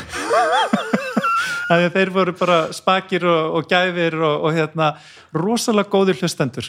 Bara svo það sé sagt. Kúplaður þið bara frá Já. mannfólkinu og fór að, fórst að tala við rútara Já, og hérna þeir hlustuðu mjög vel voru að jórtra eða býta gras og það var bara hægt að fá útrás á því hvað allir væru ömulegir við þá og svo leið manni betur Varst ykkur mærfilegum með þig og skapið? Nei, svoleiðis, nei, en ég menna að það fauk í mann Já. já. Ég, ma maður vann nú alltaf í, heim, í sætinni heima á sömrin og ég man að einu sinni þá sagði ég upp störfum hjá fóröldur mínum og rauk upp veg og eitthvað út í flóa og mamma og pappi þau sögðu frá þessu atvik í fertursamalinu mínu nema þau bara, þau gátu það ekki hlóðu svo mikið því að þau höfðu verið í eldursklukanum bara, serðu, og hann bara ríkur hann upp veginn og skellilegandi þau höfðu mjög gaman að þessu. Eða svona, allavega yfirleitt. En þú veist, gaman að vera til þannig á þessum tíma? Já, Já. rosalega gaman. Og eins og ég segi, ég ætlaði alltaf að verða fjárbúndi Mhm. en hérna svo fór maður bara e, aðrar áttir. Og hvað hva leið fór það? Já, ég var náttúrulega, síðan er kannski annað, ég var náttúrulega sko í heimaðistaskóla og á Varmalandi í Borgarfyrði sem að var mikil lífsreynsla. Þannig að um, sjálfsagt mótað mann meir en maður, maður heldur. Og veist, ég fer í heimaðistaskóla sex ára gamall uh, þá er maður eina nótt í mánuð í skólanum annars heima og svo kom kennari heima bæina í Já. sveitinni þegar maður ára þá var maður viku í skólanum og, vik, nei, og þrjár vikur heima og svo eru þetta tvær og tvær vikur og þá til maður var síðan algjörlega bara allan vettun í skólanum en alltaf heim um helgar og þetta hefur bara ofbúslega mismunandi áhrif á fólk eða á börn Mm -hmm. sem uh, eiga bara mjög erfitt með þetta Þetta er brútal aðgerð maður Það fyrir að pæla í þessu Já, ég, ég myndi ekki mæla með þessu. Við getum orðað þannig. Ég held að þetta sé, sko, þú veist, starfsfólki var alltaf vilja gert, en það er ekki mamma maður sagði pappi. Nei, Og mér leði bara mjög illa í skóla fyrstu svona þrjú, fjögur árin, þá til ég var nýju til tíu ára. Og bara mín langsterkasta minning úr grunnskóla og bara eitthvað sem að ég horfi til þegar að mér líður illa er þegar ég tók þá ákverðun inn á klósetti í barnaskólanum að hætta að láta mig líða illa í skólanum. Vegna þess að þetta gengi ekki lengur. Ég var alltaf mikið alltaf mikla heimþrá alltaf. Grét eh, var farin að einókrast félagslega. Og eins og bara aðrir sem að öðrum sem að leið svona. Samt átti ég góða vini og rosalega góðu bekku sem, sem ég var í mjög hérna, samstæð og eru menn. En þessi ákverðun er held ég bara stærsta og mikilvægsta ákverðun sem ég teki í lífinu. Sumi myndur að segja að þetta væri nú ekkert eitthvað sem að taka ákverðun um. Nei, sjálfsagt, en ég gerði það nú samt. Og, um, og það var töff að því að það er auðveldara að bara leifa sér að líða illa, en þetta er í rauninni og þú hugsaður út í þetta, þetta er bara spurningum þetta er spurningum það að láta ekki ákveðna þætti ná tökum á sér og þetta var bara búið að ná ómeklum tökum á mér Þú, hvað varstu gammal? Ég var tíu ára Þú ert að gera sama hann og ég er að gera núna með sálfræðinu mínum sko. okay. að lo losa mig undan þú veist, því sem að ég er ekki góður í, að ég tel að ég er ekki góður í ég, ég er basically hrættu við sko. og ég fæ kviðan út í maður að ég þarf að sjá um börnum mín að hvað er sko. já, já. og þess vegna tengið þess að spurði ég sko, sem við myndum að segja að þetta var ekki endilega spurning um ákvörðun, en það sem hann er að kenna mér er nákvæmlega þetta bara, þú verður að losa þig út úr því sem að uh, þú verður að sko aftengja tilfinningarnar þessu sem þú ætti að fara að gera sko. að að, og þetta, þetta er brilljant, þetta er svo gaman sko. Ég, ég gerði við upp á það mína í vikunni sko. ég hefði það, það er að síðasta sem að ég hefði snert á fyrir nokkur mánuðu síðan sko. það myndi ég nú held ég aldrei gera nei, en þú veist, allt í hennu bara allt í hennu var ég ekki bara mér, mér fjallust ekki bara hendur og ég laðist bara í kvíakast upp í sofa heldur, horfið ég bara á þetta og fór svona á internet og skoðaði eitthvað og sér það ég áttur að sko, skrúa neðan á hann aftur Já. og ég fór bara inn og, og gerði það sem þetta gera og svo bara virkaði vel og ég var bara og þetta var bara að því ég gerði það sama á aðeins öðrum skala en þú ert að tala um sko, að ákveða það með hjálp sérfræðinga mm -hmm. hvernig ég ætla að hætta að láta mig líða illa út einhverju. Þetta var, þetta var gott og um, bara hjálpaði mér rosalega mikið. Eh, en eins og ég segi mér finnst að, já og svo náttúrulega það besta er að þegar maður svo komin upp í nýjundabekk átti nýjund og tíundabekk eftir þá átti að fara að leggja heimaðistina niður. Og þá var ég einn af nefndunum sem var í forsvari fyrir að, að koma í vekk fyrir það að því okkur langaði að klára já, skólan á, á heimaðustinni og það var síðan niðurstaðan að við fengum að, að klára sagt, minn bekkur, vorum í nýjunda bekk þegar þetta var. Þannig að þetta var líka alveg ofbóðslega gaman að já, vera á heimavist. Og líka þú veist, ég menna um, sveitinni minnisast á bænum heima, við varum bara tveir bræður, veist, það voru ekkert margir og uh, það var ekkert mikið um að við verum að fara á melli bæja svona, ekki, ekkert rosalega mikið auðvitað eitthvað. Og kannski okkar tilfelli á sömurinn vegna þess einfallega það var svo mikið að fræntfólki alltaf. Já, já. en þetta er bara eins og ég segi, ég held þetta sé bara mikilvægast ákvörðin sem ég tekið og ég lít til hennar oft þegar mér líður illa og ég er kvíðinn og á einhvern veginn erfitt með eitthvað og þú segir, heyrðu þetta þarna þegar ég var tí ára ef ég gatt það þá hlít ég að geta þetta núna. Ó, þetta er geðvig saga, djúvill er þetta gott. Manstu eftir ég hafa að tekja ákvörðuna? Já, ég, ég man litina, ég man ég ætla ekki að segja lyktina, ég man nú ekki hvort ég, hvað, hvað ég voru að gera á klósetin en hérna ég man litina, hvítir ég man að ég stóðu upp og styrtaði niður og hugsaði hættur og fór framþóðið mér um hendurnar og þetta var, þetta var sjúklega erfitt sérstaklega til að byrja með vegna þess að það er svo auðvelt að láta undan og bara fara í það að, að, að gráta sem að er ofbáðslega losandi. Og ég, ég lærði að gráta aftur eftir ég kom út úr skápnum og mér finnst það alveg ofbáðslega gott. Aha. það var nú reyndar kannski aðeins og íkt á tímabili, ég gæti ekki sko lesið minningagreinar aðeins að bara há gráta svona svolítið þessi típa já. Þannig að æskan, já, þetta var opaslega gaman, ég var í frjálsum íþróttum um, Allir við kæft saman, djúvöld var ég í frjálsum Hvernig er þetta fættur? 78 Já, öruglega, ég er 77 uh -huh. Í hvað félagi varstu? Ég var í Hástótt Já, einmitt. Veitu hvaðan ertu? Ég, þá byggur ég á húsæk, ég segist þér á húsvingur það er, er auðvöldast að segja Einmitt Já, það hefur pottjett keft saman sko. Ég, eh, ég, maður byrjaði í langstökki og fór svo yfir í langhlaup og ég endaði í grindarhlaupi. Já, ok, þú farið aðeins aðralega en ég, ég, var eiginlega í stuttursprettunum og, og, og langstökki sko. Já, einmitt. Við hefum verið á sömu mótum Já, pottjett sko. Ég man eins og eftir ég var að, fyrst skiptin ég var að keppa í grindarhlaupi, það voru aldrei margir í grindarhlaupi og svo kannski mannst. Já, klálega Við vorum tveir Já, og sigur líkur voru 50% síðan þurfum við á stað og bara gengur rosa vel hjá mér. Nema hérna ég sagt var aðeins og ákáfur á fyrstu grindin og ég svona ég, ég fer of hátt yfir hana. Þannig að það var engin jörð undir mér þegar ég held ég var að lenda. Þannig að ég dett spinnir í loftið bara. Já, og rulla eitthvað aðeins en fer aftur á fætur og hinn gaurinn náttúrulega náði mér. 110 eða? Nei, þetta var, allir þetta hafi ekki verið 300, maður var það ungur að var ekki komið upp í 400. Já, já. Svo er ég alveg að ná honum aftur og þá rek ég fótinn í grindina og leiðinni yfir síðustu grindina og hérna, en ég náði öðru sæti. Vel gert Talandi um að, að sko líta á að glasi sé hálf fullt en ekki hálf en þetta var eins og ástæð fyrir að það voru alltaf svona fáir í grindalöpi því þetta er ekki tækt sko. þetta er bara, ég get alveg hlaupið hratt en þurfa að vera eitthvað, komur yfir eitthvað drastla leiðinni, það var alveg, ég skildi það ekki sko. Nei, já, þetta er gaman. Svo þegar ég hérna kláraði grunnskóla þá flutti ég til Akureyrar, fór í mennskólan á Akureyri og ætlaði að byrja að æfa þar, halda áfram í grindahlaupinu en þá bara gleifti leiklistin mig sko. Og ég hef bara hætti í frjálsum. Ok. Já. og það var líka mjög gaman. Varst það leikað þá í leikfélagi mennskons það var rosa gaman. Og hérna, sérstaklega við settum upp þegar ég var á öðru ári þá settum við upp Silvutungli eftir Haldur Lagsnes það var ótrúlega skemmtilegt. Hvað ári þetta? Mm.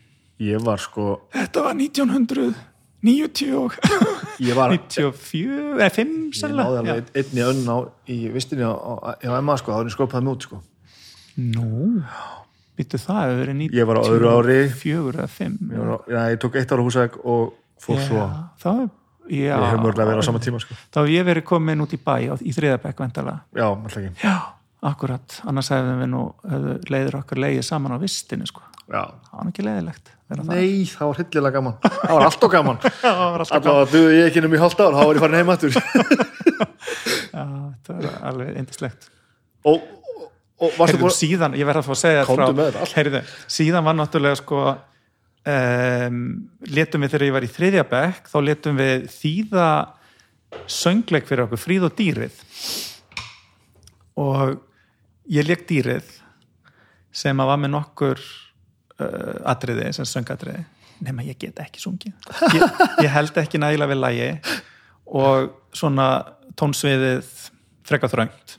Þannig að þetta varð svona við skulum segja að leikhæfileika mínir hafi verið meir en sönghæfileikar og það endaði þannig að í, við, við feldum út tvö lög sem ég átt að, að syngja, það var gert svona í ljósi þess að þurft að stytta sýninguna. Og ég bara mhm en ég var þess að ég söng eitt, eitt lag sem var eðveld en síðan mæmaði ég annað sem var sungið fyrir mig Varstu með, var, varstu með söngvara fyrir þig? Já. Offstage? Geðveikt Það er geðveikt Hvar var þetta sínt? Þetta var sínt í samkomúsinu á Akureyri Já, bara á, á sviðinu bara Já. Já. og þetta var reyndar sko þetta, þetta er náttúrulega barnasýning þannig að við bara sprengtum allar allar hérna tölur um, um s- hérna, hvað heitir þetta? um heimsóknir, nei, hérna Aðsóknartölur. miða við sko það sem hafi verið sínt ofta áður, þetta var rosa gaman. Og helstu eitthvað áfram í þessu að leika? ég ætlaði náttúrulega líka að vera leikari. Þú ætlaðir að vera Já, ég, svo bara ég veit ekki hvað það var. Ég held að ef ég á að vera reynskilin við sjálfa mig ég held ég hafi ekki þórað út af skorti og sönghæfileikum sem að svona eftir á að hyggja er kannski það að vera pingu að því að sjálfsagt er hægt að læra það upp á einhverju marki sko. Ég hef ekki hitt neitt sem getur ekki lært að syngja. Nei, takk, kannski byrja ég á því bráðum. Það, já, það, það er satt. Við verðum að, sko, ég er ekki stórsöngvari nei, en ég, ég hef tvær mannsku sem hafa haldið fram semst, mjög hávært að Já. haldi ekki lægi og það er ekki rétt nei, það er alltaf hægt að komast í gegnum minna bara ég sko. já samt svona ef þú tala við suma vini mín og þá er ég ekki við sem þessi samanlega en allt í lagi en já, já, kannski á maður líka bara eitthvað tímann eftir að taka þátt í áhuga mannaleikursi og það er rosa gaman líka það er svo gaman sko. já. Ert þú eitthvað í leiklista? ég, já, já, ég, ég, miklu minna núna en ég var sko. Já, ég hef skrifað alveg helling af stöfi sko. mm. Og ég var í því að stofna leikoppi Lottu til dæmis, hann er barna, leikopin sem túrar allt landið búin að gera í 15 ára eitthvað. Ég var mjög virkur í hugleik á sínum tíma bæði skrifaði þar og spilaði mikið músík og ég var minna að leika sko. Ég gerði alveg svolítið að því, mér fannst það aldrei gaman ég var ekki góður í, já, en allt hitt einhvern veginn sko. Já, ég var alveg það, verið sett upp eftir mig í, í stóruleikusunum og alls konar sko. frábært. Ég nefnilega sko um, uppliði það í leiklistinni að ná að gleyma mér alveg. Þegar ég var í, í karakter. Og ég held að manni líði sjaldan betur en þegar maður næra að gleyma sér. Og svo lærði ég það þegar ég eftir mentaskóla fór uh, út í Þýskalands og dvaldi í munkaklaustri í eitthvað 2-3 mánuði að það sem að munkarnir er að reyna, þetta er sem Benediktusarreglan, er að reyna að ná allt sitt líf er að geta lifað í nóinu. Já, og ég man alltaf eftir þessu að ég var með svona, hvað var að kalla munkamentor sem að var eitt besti vinur eins katholska prestins í Reykjavík. Þannig komst ég gegnum, komst ég inn í þetta klaustur bara og var bara var þar að vinna og, og taka þátt í svona trúaratöfnum og slíku. Og hann sagði einu sinni við mig út af þess að ég var svo hugfangin af þessari heimsbyggi sko að einhvern veginn ná að lifa í nóinu og að það sé nóg. Og ég sagði hvernig gerir þetta? Ég er frekar óþólumáður reyndar held ég alltaf að ég væri ekki óþólumáður en það er búið að samfæra mig um það að ég sé það. Ég er bara búin að sætta mig við það. Og ég, ég kem eitthvað svona til hans bara hérna bara, við maktmandas, hvernig gerir maður það? Ég var að koma því að ég kann smá í því sko. Þetta var vel gert. Já, það ekki. Og hann bara, þetta er bara eiliðar verkefni ég bara, nú, var svona pinkusvektur sko, ég ætlaði nú bara að læra þetta á þrjum mánuðum og bara var bara en það er það sem hann sagði og færði fyrir því góð rauk en þetta er eitthvað sem að mér finnst alveg, þetta, ég held þetta sé aðalega þetta kvílir mann að geta Ég- lifað í nóinu. ég heldur sér að lýsa að þú ert að- að tala um þetta í samöndu við leiklistina sko. Þú ert að lýsa þessum allir þekkja sem að finna sitt svona sko já, í tónlist eða hvað það er ég er náttúrulega mjög fyrir mig að tala um tónlistina bara á miður skálmandagiki í miður lægi Einmitt. og allt einu svo á að vera og það er ekkert annað til í heiminum sko.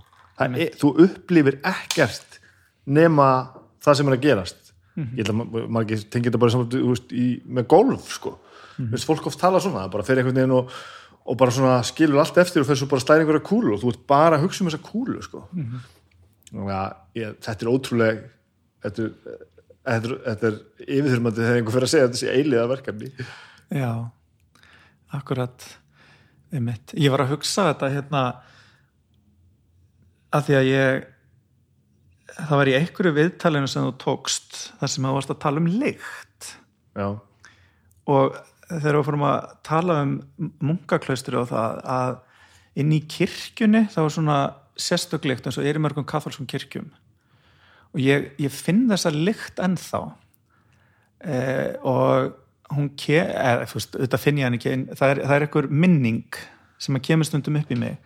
Og mér finnst ég finna lyktina og þetta kemur stundum þegar að ég er svona einhvern veginn uh, er að reyna að ná hugaró já. Þannig að þetta er svona eitthvað sem að áhugavert. greinilega hafði áhrif á mann. Og annað sem að ég svona hérna, uh, upptekinn af þessari þessari lyktarpælinga því þú varst með það í einhverju viðtælinu þínu að ég kom í hérna, hústjórnarskólan á Hallomstað núna í, á lögadaginn í heimsvagn og ég geng, ef við göngum inn í hérna, vefstofuna og ég fæ bara svona fæ bara svona bara mjög, mjög sterka tilfinningu úr æsku vegna þess að mamma mín er vefnaðkennari já, já, og vann í húsmaraskólanum á Varmalandi. Og það er þessi ótrúlega svona sérstaka lykt af, af garni og um, sem þú finnur inn í vefstofum. Og þetta var svona þetta var svona batnið í mann einhvern veginn komið upp og mér leið svo vel að nynni mér fannst eins og ég væri bara komin heim. Þetta er ótrúlegt þetta gerist já, þetta er alveg merkilegt. Nú ertu búin að segja mjög margt sem við þurfum að setja einhver tímaröðu sko. ó, ok, ok, Út, Útskrifast úr Emma já. Hvað er að gerast? þá fór ég í húsmæraskólan í Reykjavík. Ok, og þá varst ekki að hugsa um leiklist e- eða, eða söðfið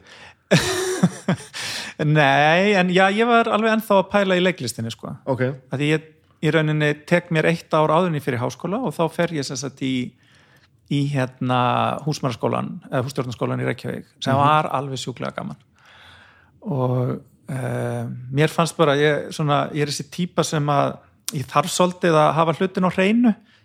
Ég er stundum aðeins svo mikið perfektionisti og svona sumir, já, og ég, ég þurfti bara, veist, ég var búin að vera á Akureyri heimaðstaskóla, þú veist, allan grunnskóla uh, vann yfirleitt heima á sumrin í sveitinni. Svo klára maður mentaskóla ég fyrir að vinna í sum, eða sumar eftir mento og það var náttúrulega bara færð að borða skiluru, og ég hugsaði bara, já, já nú þarf ég bara að vera alveg með það að reyna að ég geti eitthvað eldað ef ég á að geta plumma mig í lífinu. Og satt svo satt sko. Hefði ég átt að gera þetta, ég átt að gera þetta sko. Þetta er ekki á sein, nei, þú kannt þetta náttúrulega smúna Nei, ég kann þetta ekki, ég En- er nefnilega ætti bara að gera þetta alvöru. En þetta var samt, þú veist, þetta voru samt ekki nema einhverja kannski sjö vikur sem maður var í eldhúsinu en maður lærði svona undirstöðu atriði og ég bara vona að engin vinur minn hlusta á þetta viðtal því að þau var að bara, já, með mig við vitum að fórst í húsmæraskóla og alltaf að tala um það, þú getur ekkert eldað. En ég get samt alveg bjarga mér. Uh -huh. ég ætti ekki að þurfa að degja næringaskosti ef ég, ef ég er með hérna, mat, hérna, aðföng í mat. Og þetta var rosalega gaman og þar sagt kynntist ég því að vefa og mér fannst það skemmtilegast, ætla með mömmu á kantinum Mhm.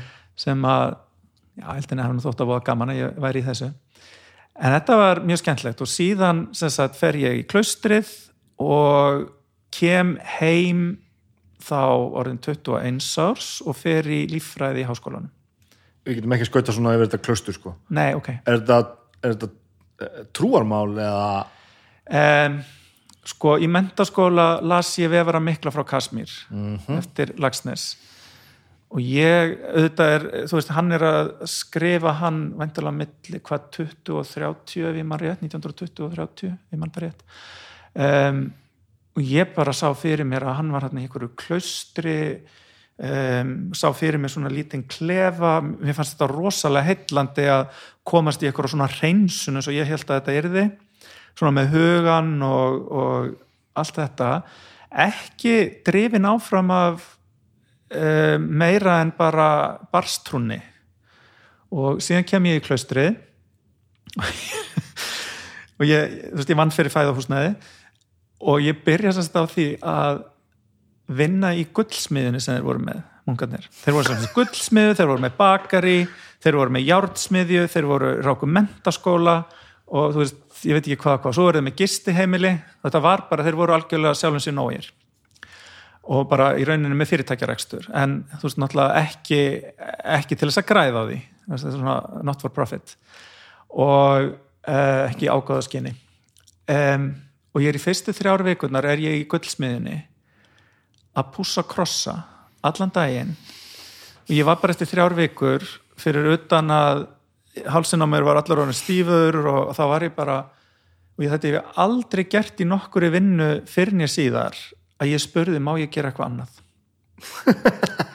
Og þá kom svona glott já, þú nú búin að endast ágætli þessu. Og þá fekk ég að búa til silfurkeðju fyrir eitthvað biskup í, í, hérna, í Hamburg eða hvar hann var og var ánægð með það. Svo fór ég og vann á einhverjum fleiri stöðum að fekk að kynast ímsu sem að þarna var gert. En það sem að ég var náttúrulega kannski að sækja í var bara svona einhvern veginn aðeins að kynast sjálfum sér slaka á, þú veist, vera í kyrð og um, Þetta er svolítið stökksamt að að gera þetta. Að fara og láta vaða í eitthvað svona já, en ef þú pælir í því þetta er rosalega verndað umhverfi. Já, ef þú pælir í því, Já, þú veist, sveitastrákurinn var bara svolítið kannski að fara í vendað umhverfi Það var bara þessi sem, að, sem, að, sem langa á indireilin fór bara í þetta í staðin fór reyndar eindir eða setna en, en hérna um, og ég sko þú veist, það var, það var, það var bænastund klukkan fimm á mótnana og svo var ég í hádeginu uh, og á fyrir mat á kvöldin og svo svona kvöldstund alveg í lokkin, eða lokdags og það er alveg pingu skrítið að vera 21 ás og fara að sofa þú veist klukkan 9 á kvöldin til þess að vakna tímundur í 5 og dröslast inn í kirkju til þess að kyrja en þetta er bara þetta er besta hugleisla sem ég nokk tíma stunda. Ó, þetta er mjög heilandi maður. Og ég fór að heimsótti klaustri núna uh, jólin fyrir COVID. Og það var alveg magnað. Já, náttúrulega sama lyktin. Og heyrðu, veistu hvað, heldur þau að munkarnir sé ekki bara orðnir kólefnis hlutlausir auðvitað. Þú veist, voru bara búin er, komnið með hérna, sólarsellur og all þög, hvernig að búa til bíogas úr hérna um, uh, haughúsunum og ég var bara, ég var svo hellaður og akkurat það sem að maður er síðan að, að starfa við í dag. Magna það voru svo gaman að koma í smá heimsó nema kaffið hafið ekkert skánað. Það er ekki sem dágjast Þeir þurfa að halda, að halda. En ætlar eitthvað tíma að gera eitthvað meira við þetta? Var þetta bara svona ég komst að því að ég trúði ekki nógu miklu til þess að verða munkur. En ég íhugaði það alveg. Já, já, og mér fannst líka erfitt að hugsa til þess þú veist, jújú, þeir fá þryggja veikna sumafrí og fara þá yfirleitt og eru með fjölskyldum sínum. En mér fannst alveg pingu erfitt að hugsa til þess að skilja Ísland eftir og vera þarna. Og eitt þeirra sem að ég spjallaði heilmikið við hann sagði svona við mig næst þegar þú, eða þegar þú ferð áfram og gerir eitthvað næst annar staðar í útlöndum þá ferð þú ekki í klaustur. Og ég sagði, nú akkur ekki? Vegna þess að þú getur ekki verið uh, alltaf í svona verduð umhverfi. Og kannski þess vegna sem að ég fatta þetta á sínu Já, tíma já, maður, en ég menna þú veist það er bara allt í lagi líka og, náttúrulega bara mjög gaman. Þetta er magnað ég mæla alveg með þessu fyrir fólk og það er hægt eins og þarna, það er hægt að fara bara og vera í þrjár vikur eða eina viku eða fimm vikur. Og mjög algengt að fólk var að koma á föstunni og var kannski meiri segja sömur voru bara að drekka svoð og einhvern veginn uh, byggja og, og hérna ég held að þetta er náttúrulega bara fólk er að leita eftir einhvers konar hugar og, og kannski fólk sem hefur orðið fyrir áföllum í lífinu og finnur einhverja festu. Gengum maður bara hann inn og, og, og er, er þess lengi um á vill? Eh, ég veit ekki alveg nákvæmlega hvernig það virkar en ég get látið fá nafnspjald Endilega. Já. en já, það er, sagt, það er, það er svona sérstætt gestahús hjá þeim. Já, já, já. Þá ertu bara í hérna, sérstaklega matsalu fyrir gesti. Ég man ekki hvað það voru mörg herbyggi en, en síðan setni að þú veist ég var í, í þrjá mánuð en, en fyrstu tvo mánuðin og svo kom smá hlýja og ég kom aftur að ég fór á Indireil í mittiltíðinu með nokkrum vinnum mínum aðeins út úr vendaðum hverjunu en ég sem sagt fekk setni mánuðin þá fekk ég að þú veist hvernig sem kirkjum er skipt, það er, sem sagt, það er kórkirkjunar og svo skipið. Akkurat. skipið er það sem við almóin setjum og presturinn er í kórnum. Nema þarna eru munkanir allir í kórnum og svo er svona eh, lítið rimla hlið á milli eh, og setni mánuðin fekk ég sem sagt bæði að borða með munkunum og að byggja með þeim inn í, í kórnum. Og ég var hérna á föstunni og ég var hérna um páskana. Og eini dagurinn sem að ábótin sem að er aðsti, aðsti klerkur eða aðsti, aðsti hérna, eða er yfirmaður klustusins eina skiptið sem að hann þjónar í matsalnum og e, öðrum e, bræðrum sínum er á hérna skýrdag síðasta kvöldmáltíðin. Og þá þvær hann fæturnar á tólf óbreyttum borgurum. Og ég fekk að vera einn af þeim. Og þetta var svona einhvern veginn þú veist, þú, ég held að sé líka því að maður er 21 ás og ég hugsaði bara svona rosalega ég, ég, ég er hreitn en ég var. Og mér fannst ég einhvern veginn mér fannst ég tengjast einhverju aðra ég er samt ótrúlega hjarpundin og ekkert rosalega mikið trúaður en ég fann eitthvað og ég leiði mér að finna eitthvað. Hvað sem það svo sem var. Kannski var þetta bara svona fín sápa eða eitthvað. En skilur samt hvað ég meina? já, akkurat. Já, það er líka bara það er einhver kraftur í þessari serimóni og þessari samfæringu Já. og þessu samfélagi lítur að vera. Já, en það er líka svona sem að fólk að heila þig sko. já, já algjörlega algjörlega. Og hvað svo? Herjá, svo kem ég heim uh, tek BS-pró í líffræði hérna heima og svo fer ég uh, til Bandaríkjana í mastersnám í umhverfisfræðum. Er þar í tvö ár og kem heim 2006 og síðan er ég búin að vera á Íslandi. En svo reyndar ég tók einn vetur út í Rússlandi þegar ég var í náminu, hérna, BS-náminu heima því að þá reyndi kærasta mín var að læra rúsnesku og ég ætlaði ekki að láta það tækifæri úr greipið mér renna að búa í eitt ár með henni í Rússlandi sem var æðislegt æfintýri. Hvað er orðið? Eh, borg sem heitir Tvér, hún er svona norðaustan við Moskvu, svona 160 km á leiðinni til Pétursborgar Já, við Volgu, við ána Volgu og þar er mitt kynntist maður til dæmis því að, að sko þetta er 2000-2001 þar kynnist maður því að það var alltaf rafmagn hjá okkur en það var ekki allstaðir í sveitunum í kring. Já, kom og fór. En hitinn hann var oft uh, viku og viku sem sagt heitt, heitt vatn. Þannig að maður svona fekk aðeins að kynnast því hvernig er að lifa við ekki öll nútíma þægindi sem að var mjög holdt fyrir mann. En maður er rosalega fljótur að gleyma því þegar maður kemur tilbaka við, höf, við höfum allt um leið okkar bílar þá verðum maður svo hissa sko. Og svo, og svo bjargalös og jafnvel perraður. Já, brjálaður sko, bara að sé vera að brjóta á manni bara að sé ekki bara hvað er internetið mitt svona hægt? Bara jöfulsir frekja sem Já. það er svona einhver þetta var eitthvað stand-up eða eitthvað sem var einhver að tala um, internetið í flugvílunum mm. fyrst þegar þú varst, komst á internetið í flugvíl þá varstu bara, hvað er að gerast? Þetta var svo svakalega upplifun. Mm -hmm. mánuðið setna varstu brjálaður eða bilað veist, við gleymum þessu bara svona sko. En að því að nefni þetta, mér fannst þetta mér fannst þetta svo eiginlega pirrandi vegna þess að kannski þryggja tíma flug til Evrópu þar sem þú varst utan þjónustusvæðis, það er bara frábært já, og þetta er eitthvað sem að mér finnst sko, til dæmis ef að maður hugsa um bara það að vera út í náttúrinni þá finnst mér rosalega gott að geta farið á eitthvað stað þar sem að er ekki símasamband Mhm. og ekki internetsamband eh, og aðeins að svona komast út úr þessu sífælda áreiti sem að síminn mann sér en svo sama tíma þegar maður er í svo starfi sem að ég er í að þá vil ég ekki vera lengi utan þjónustusvæðis ef það er eitthvað sem að kemur upp og sem maður þarf að, að eiga við sko. En mér finnst þetta samt þetta eru ákveðin auðvitað er þetta líka alveg spurningum öryggi og allt það en þetta eru líka ákveðin lífsgæði að geta farið í svona umhverfi. Já, og þú getur sagt en býta okkur slekkur ekki bara símanuðinu það er enginn sem bannar er það. Og það er alveg rétt. En ég gera það samt ekki. Nei. Ég, þetta, er, þetta er sjúkdómur sko algjör. Ég er að reyna að gera meira og meira þessu bara að, að ég- á bara svona stað fyrir síman þar sem ég set hann bara þegar ég kem heim. Já, og það er alveg stund, stundum næg alveg að láta hann liggja það svolítið lengi sko. Minnst að þeir eru lóin á mér sko.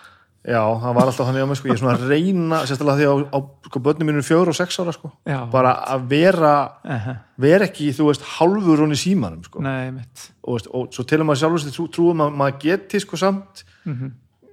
gefið nú mikið af sér og alls svona samskiptum ég svaraði þeim alltaf, ég veit alveg hvað er að segja ég, en svo fattar maður bara ég er samt bara eins og einhver robóti þetta með einhverja fjastringu að sjálfur mér sko. Já. það er rosalega skytti sko. En það sem þú varst samt að segja þetta í byrjun með heimiliðinar ömmuðinar Já. það er samt þetta sama já. þú veist og tala um að hefði aldrei verið þreytt á því að öllum sem gestagangi Mhm. ég held að mannkynni hafi alltaf viljað þetta sko. við viljum alltaf þetta áriti eitthvað frá fólki veist, sem við þekkjum vel, þekkjum ekki jafnvel og einhvern veginn fá eitthvað fóður og bara og það vil svo til að það geði þægild að gera það bara í símanum sko.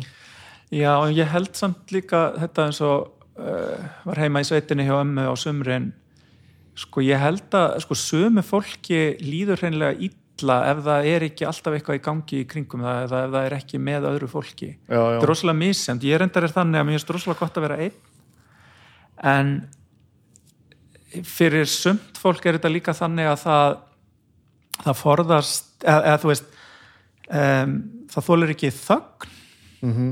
og ég man alltaf svo vel eftir þessu að það var þýskur strákur sem var í doktorsnámi í, í líffræði upp í háskóla og hann var að lýsa þessu, hann var eitthvað tíman þú veist, einn í einhverjum rannsóknum eitthvað út á landi og hann var að ganga bara og heyriði bara í sjálfum sér, þú veist eh, jakkin skilur ermatnar eða, hérna, strjúkast við, við bólinu og eitthvað svona. Svo stoppar hann og það var alveg lokn og algjör þögn. Og hann sagðist að hafa upplifað bara rosalega hræðslu þannig að hann ákvað bara að halda áfram að ganga. Þá var hann að heyra eitthvað. Og mér finnst þetta, þetta alveg sjúklega áhugavert vegna þess að ég sæki í svona þögn. En kannski er þetta bara munurinn á því að maður ólst upp í sveit og Já. hann í borg og allt þetta. Er þetta ekki svolítið mikið það sko? Jó, en ég held þetta sé verðmætt að prófa það að um, geta verið einn í þögn maður læri svolítið á sjálfan sig Já, það er ótrúlega gott sko. En mér líður ofbóðslega vel að vera einn sko.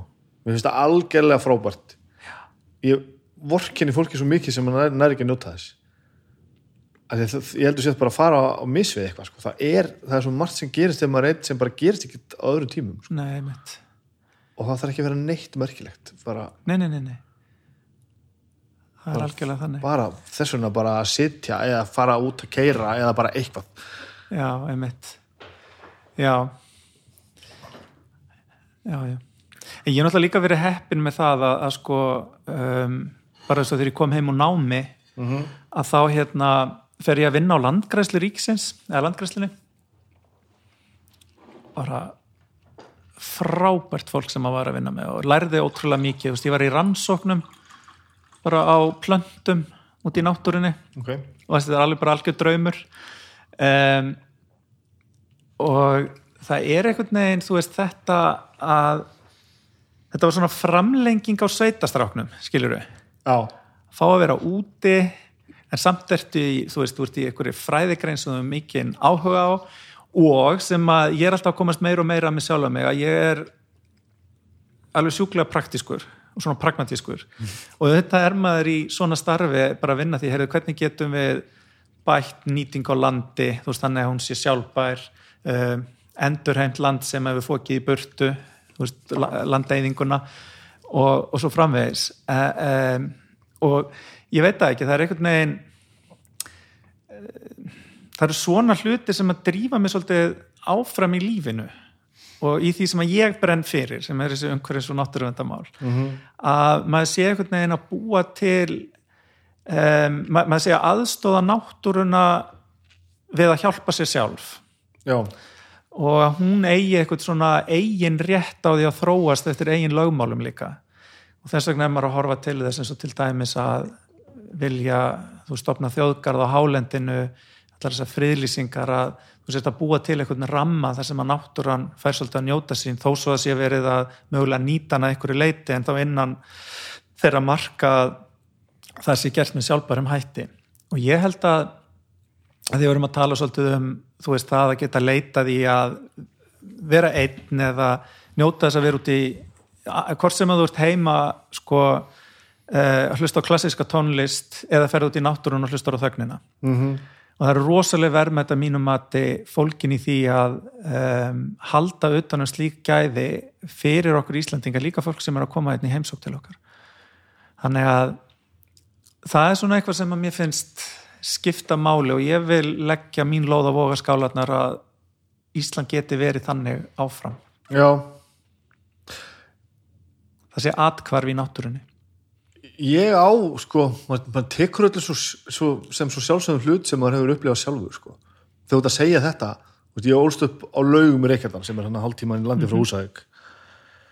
Og, og laugar eru bara svona lítill svona þorpskjarni í kringum, kringum hérna, kringum hér að skólan það, sko. Mhm. og við byggum í barnaskólanum og fórhundar minni kendu bara þar. Þar gati ég farið út og gengi bara beint upp á heiðina, sko. Mhm. Og þetta var algjörlega sjálfsagt. Og svo eftir svona tímyndu korti þá varstu gjössamlega komin og sjónfæri við allt sko. Já, og það var ekki girðing eða símastöður eða neitt sko, ekkert skipula engi slóðar, ekki neitt sko. Nei. uh, og maður bara fattar ekki hversu margir hafa aldrei gert þetta sko. Ég er ekki að gera lítúr í að, að, að ganga fimmurahálsun eða, eða esjun eða, eða hvað þetta er, það er frábært ég er ekki mikið fyrir það, þetta það gerir ekki mikið fyrir mig en bara þetta einhvern veginn að að fara bara eitthvað Já. ekki til þess að þú veist ganga sér til heilsubótar eða gaggjast til þess að týna ber eða neitt sko, heldur bara einhvern veginn maður bara batn og, og svona, já, svona stálpað batn og bara, og labbaði bara eitthvað Einmitt. og bara sá eitthvað og bara settist niður og bara, það var ekkert mikið meira með það Ertu loftrættur? Nei, Nei, það er ég hins vegar. Þannig að ég hérna ég er rosalega mikið svona eins og þú bara til ég að uh, stoppa eitthvað staðar á einhverjum afleggjara og ganga bara út í þá náttúru sem þar er já, en ekkert endilega að fara upp á brött fjöll. Og ég var einmitt í fyrra sumar og við förum fjögur vinir oft saman á fjöll. Sem er alveg indislegt um, í þessari ferð voru tvö mjög- brött fjöll sem að var ákveð að ganga upp á. Og öðru fjallinu þá átti ég svona 30 metra eftir þegar bara ég fæ brauðfætur og fyrir ekki lengra og bara svona, ok, nei, ég get ekki meir. Og hitt fjallið var náttúrulega bara allt og bratt. Þannig að ég komst bara upp í miðja hlýf þegar ég var bara "Ah!" þá þarf ekki svona hengiflugan eitt svolítið, það er bara nei, bara ef það er nógu bratt en svo get ég vanið mér svolítið af þessu sko, ef ég fer síðan sömu leiðina aftur þá sko, þannig að ég held að ég muni sigra annað fjallið einhver tíman en þetta er, þetta, er, þetta er ótrúlega tilfinning að vera svona loftrættur. Ég, ég finn alveg fyrir loftræðslu sko í þriðju tröppu í stiga. Hæ? já, já, og einu sinni þegar ég var lítill að þá um, e, það var svona rosa sport hjá okkur krökkunum í sveitinni að fara upp í hlöðu og jafna hegið og tróða þurrhegið í hlöðunni. Og maður sko fór upp í hlöðu og þurfti að fara í stiga sem var pingu, pingu erfitt en ég let maður alltaf hafa það að fara upp. Og síðan var svona, þetta var kannski tveir metrar eða eitthvað svo leis um, upp í gatið inn í hlöðuna eða, já, en síðan var settur hleri sem að náði ennþá ofar þannig að þetta voru kannski orðnir svona 3-4 metrar. Og einu sinni var það gert meðan ég var inn í hlöðunni. Kemur ekki pjakkurinn og bara ég ætla ekki niður.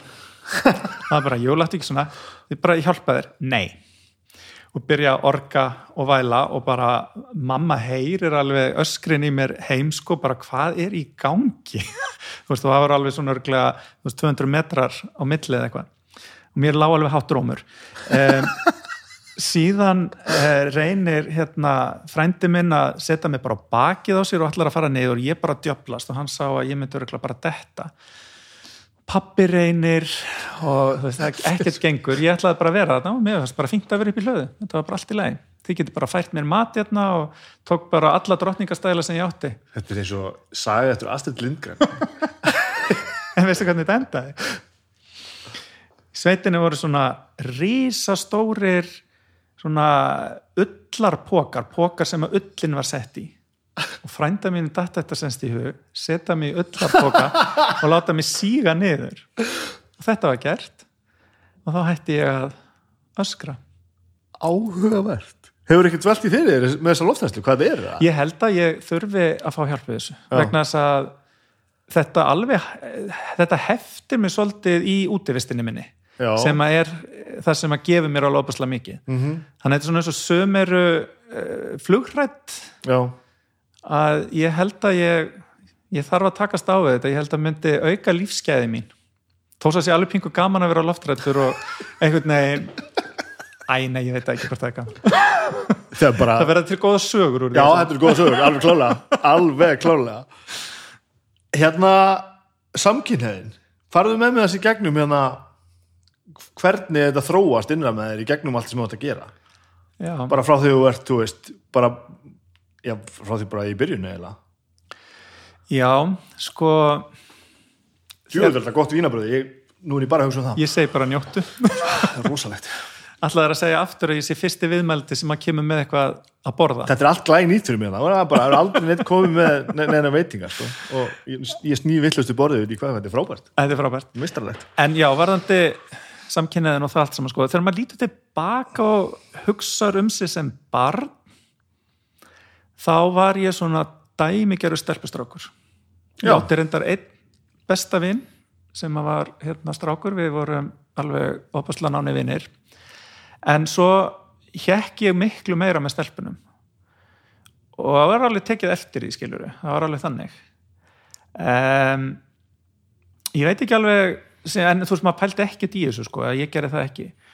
E, síðan verður maður úlingur og auðvitað fer maður þá að finna fyrir þessu en ég held bara að þetta væri eitthvað svona já ég veit það ekki. Og það var eitt atvik í grunnskóla sem ég held að hafi náttúrulega mögulega haft neikvæð áhrif á manna það var sem sagt kennari sem að um, var samkynneður Karl, Karlkins kennari.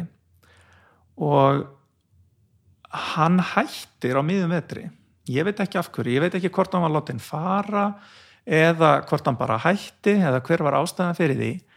En það voru svona þú veist, voru kvöldvökur hjá okkur eins og í mánuði á heimaðustinni og þá voru eldri krakkarnir að gera grína þessu. Og það var greinilega tengt því að hann væri fyrir kallmenn já, og ég man að ég þetta hafði, þetta hafði djúbstæð áhrif á mig á sínum tíma. Og ég skildi ekki alveg, ég var tíu ára kannski eitthvað svoleiðis og eldri krakkarnir voru og ég skildi ekki alveg býta af hverju af hverju er þetta eitthvað skrítið og af hverju er hann ekki enna lengur? Og svo er ég náttúrulega bara getið eðunar eftir á, sem fullarinn maður, ég hef ekki hugmynd um hvað allir því hann fór á miðjum vetri. En þetta hafði svolítið áhrif á mig, þannig að svona á úlingsárunum þegar maður fyrir að finna fyrir þessu að þá var þetta alltaf bara maður maður var ekkert eitthvað hommi sko, nei. Og eins og ég sagði, ekki fyrirmyndir fyrir að neila bara Pallóskar kemur. Og Pallóskar náttúrulega tekur þetta allt með trompi og er kannski svolítið svona já, hann, hann er stór og mikill í öllu sem hann gerir. Um, þannig ég held að sé seintakt að segja að hann hafi verið svona uh, típiskur bara maður hann var já, já. skilur hvað er að meina? Já, já. og ég ber brjálæðslega mikla virðingu fyrir honum og hann hefur gert rosalega margt jákvætt og gott fyrir okkur sem erum, erum hinsegin. En, en þú veist þá um, það var ekki það var ekki hérna rólega yfirvegaða típan. Áskrifstofunni Nei. Nei, Skilur nei, hvað ég ég meina, hann er atriði sko. Að já, og bara ótrúlega flottur í því. Um, svo fer maður í mentaskóla og já, ég maður á náttúrulega kærustur og allt þetta. Um, og þetta fer alltaf að verða svona meira og meira, allir þetta sé svona. Og svo eignast ég mína ágættu kærustu bara upp á títu og við erum saman í sjö ár. En það varði eiginlega svolítið svona vendipunktur við byggum saman þegar að hún fór í eitthvað tíma í burtu sennilega aftur til Rússlands. Og ég eitthvað neginn þá var ég einn og ég hleyfti eitthvað neginn hugsununum meira að. Já, og heila bara áttaði mig svolítið betur á þessu. Og síðan bara kom þetta smátt og smátt. En þetta var mér fannst þetta alveg rosalega erfitt gagvart henni. Mér fannst ég vera bara mér fannst ég svo vondur og fannst ég svo mikið vera svíkjana. Já. því mér þótti rosalega væntum hann og þykir enn.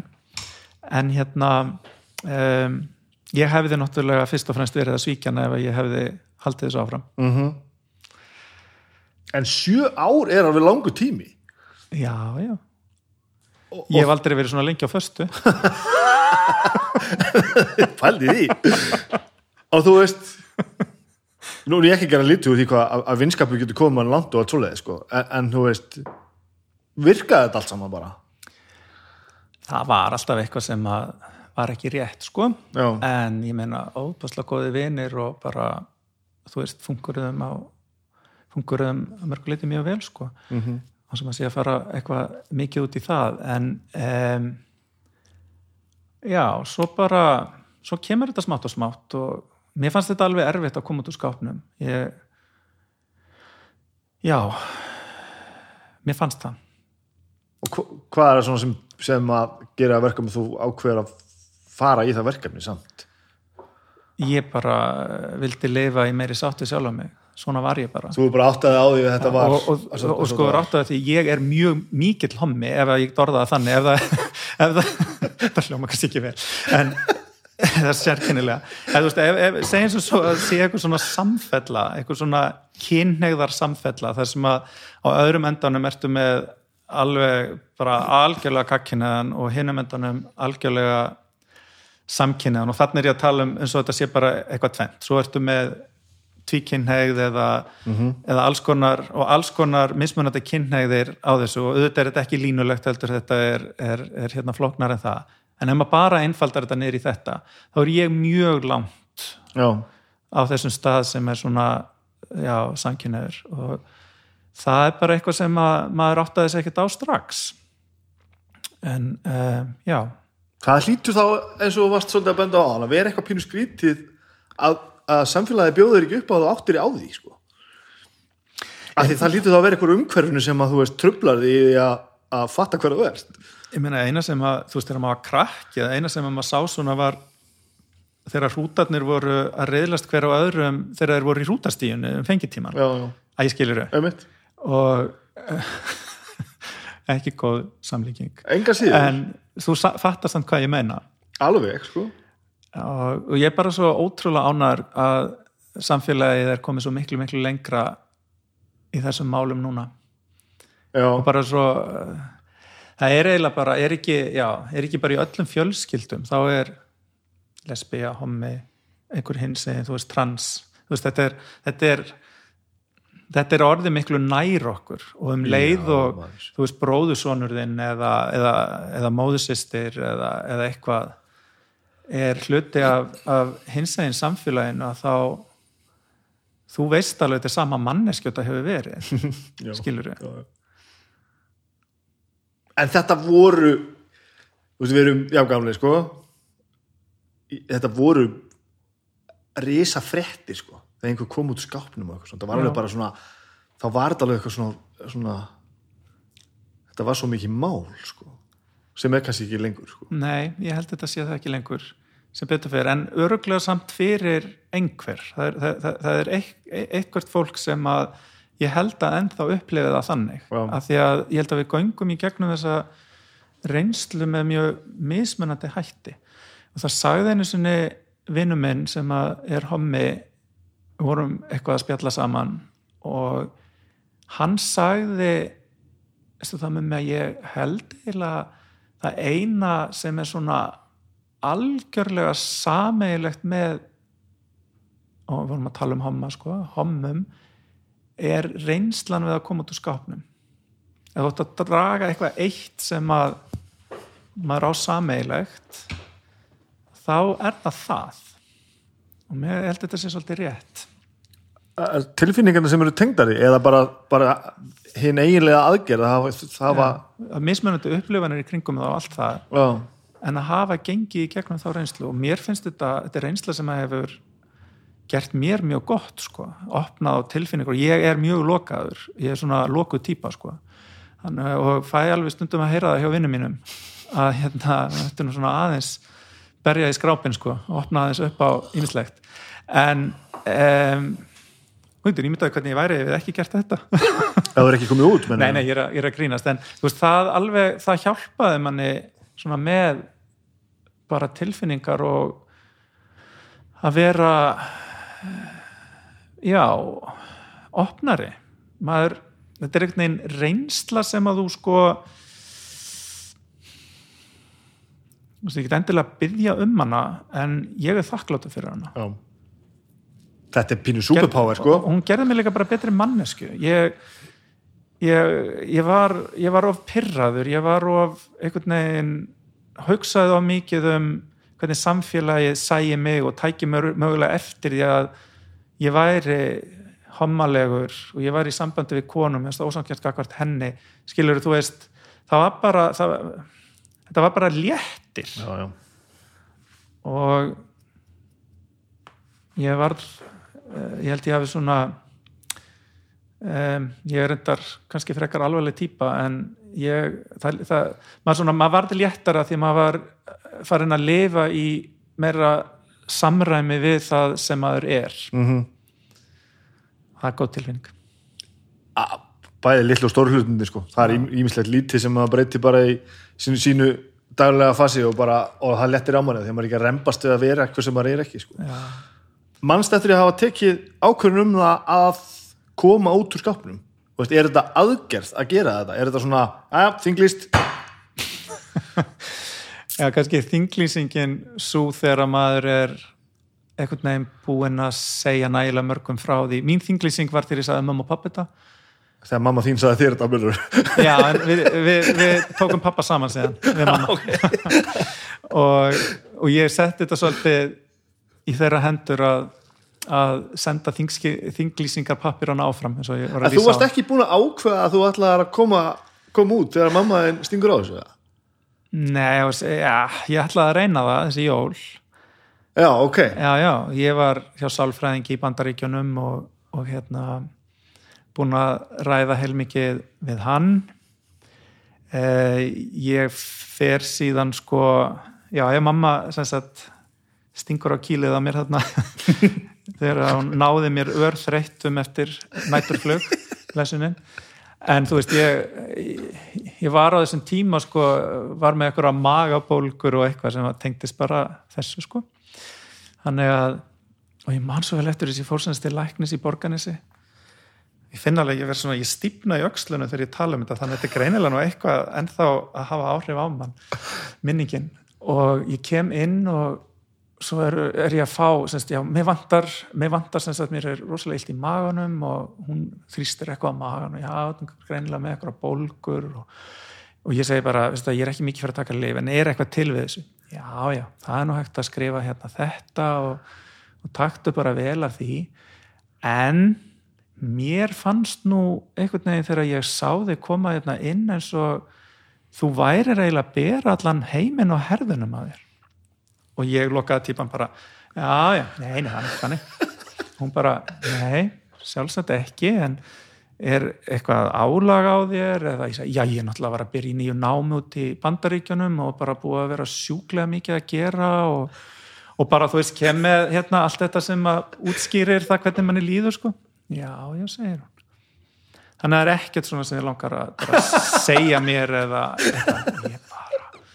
Og ég á rosalega erfitt með svona en hún var rosalega indæl og flottu læknir og hún sem sagt dregur þetta út úr mér, upp á mér. Í þessu samtali? Já, já, talandi um að vinna vinnuna nákvæmlega. Og svo segir hún eitthvað og hvað hérna ætlaru að tala um, eða þú veist, ætlar að segja fóreldriðinu frá þessu? Og, og ég sagði, eða mamma henn og sagði henni söguna mammu með, þarna, þegar hún tók mig í morgunkaffinu og, og hérna dróði þetta upp á mér. Já, já, hvað með pappa þinn? já, já, við já, já, við svona, sjáum til bara. Og segi, já, já, ég ætla að gefa þér einn ráðsagan þú getur líka bara farið aftur til bandaríkjana og kannski bara skrifa pappa þinn um tölvupost. Og ég horfi svona á hana bara það væri nú kannski ekki mjög smart. Nú finnst þér það ekki? Sagði hún og svona horfið með kaltæðnis augum á mig.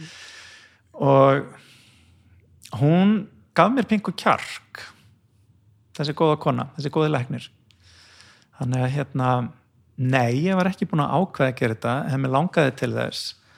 Og náttúrulega voðalega ánæði með að hafa ekki gugnað á því. En þetta var svona einhvern veginn þú veist, maður við, við, mamma náttúrulega vissi þetta sko og maður að segja pappa þetta. Og svo bara þegar ég var búin að því að jæja, heyrðu, ég er að verða sett til Reykjavíkur sagði ég og ég átti rosalega erfitt með að díla Já, við einhvern veginn. En mamma og pappi, þú veist, þau tóku mér náttúrulega bara mjög vel. Og, og hérna. Já, ég mér þakklátt fyrir það. Það er svo gaman að ræða svona hluti sem að hérna, maður getur ekki sett sér í spórin sko. Nei, Af því að það er ekki viðlít einhvern veginn að, að, að reyna að skilja hvað þetta er sko. þetta er algjörlega heillandi að heyra sagt frá þessu einhvern veginn að þú ert einhvern veginn mér líður svona eins og hafa verið ákveðin og myndir vilja að gera þetta. Samt einhvern veginn getur ekki gert þetta og þú veist ekki af hverju ekki og þetta er bara Nei. en þú veist þetta er einhvern veginn þannig svo ég man svo vel eftir því þegar ég var hjá lækninum og hún einhvern veginn ég náttúrulega kveiki strax að hún bara sér þetta einhvern veginn á mér. Af því að þetta var náttúrulega líka bara það sem ég var bara að hugsa um alla daga Já, á þessu tímapunkti. Af því að mér langaði til þess að einhvern veginn uh, koma út gagvart mínu nánustu. Og e, þú veist ég, ég, ég var alveg þar að, að sko þú veist maður bara maður brotnaði bingu niður og fór bara að gráta mm -hmm. og hérna já það er svona þegar maður hugsa tilbaka þetta, þetta kvíldi í rauninni bara ótrúlega þungt á manni og þess vegna finnst mér bara að skipta svo miklu máli að við séum með samfélag sem að er komið svo miklu lengra í þessu og við erum líka með enþá meiri stuðning eins og í gegnum bara samtökin 78 og við þurfum að passa upp á slík samtök og önnur samtök sem að eru að vinna því að hjálpa fólki um, í einhverjum allt allt öðrum aðstæðum sem að fólki líður ítla í. Og náttúrulega bara hinn ofinbera á að hafa þær skildur og á að setja fjármagn inn í svoleiðis því ég var, þú veist, ég var mjög mikið einn með þetta, ég tók þetta svolítið á kassan sko. Mm -hmm. og um, kannski spilaði inn í að ég hérna, bjó í bandaríkjunum þegar ég ákveða að nú svo maður þetta að láta til skara skrýða Það hljóma samt bínu þannig. Já. já, en hérna svona er þetta. Og þú- bre- breyttist breytist eitthvað, þú veist breyttist lífðitt einhvern veginn? Þú veist, fórst að gera aðra hluti eða fórst að, þú Já, ég veist, fór að sofa hjá kallmennum eða það sem þú ert að meina. Að ég var, að- ég var alls ekki að meina það. En, en, Ég er að grínast. en bursið frá því sko.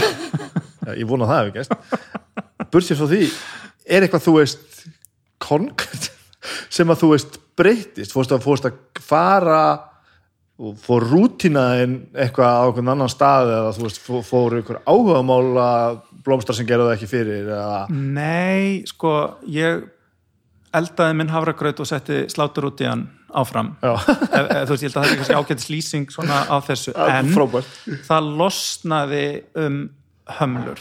Ég var ekki lengur, og það tók alveg tíma ég var ekki lengur að pæla í því hvort að ég stæði einhvern veginn upp við einhvern vegg og væri í homalegri stellingu. Já, já, já, ég let af slíkum ég hætti að, að hérna, pína sjálfa mig í einhverju slíku. Og eh, æ, þú veist bara margt sem að tengist því að verða, leifa mér að vera bara meira eins og ég er. Mhm. og ekki að bæla niður einhverja takta sem að maður er bara með og eru bara svo opaslega stór hlutamanni. Um, ég var búin að segja þér að þetta hafði þau áhrif á mig að ég greiti yfir öllum minningagreinum og ýmsu fleiru. Það var rosalega gott. Það er magna. Það er bara rosalega góð losun.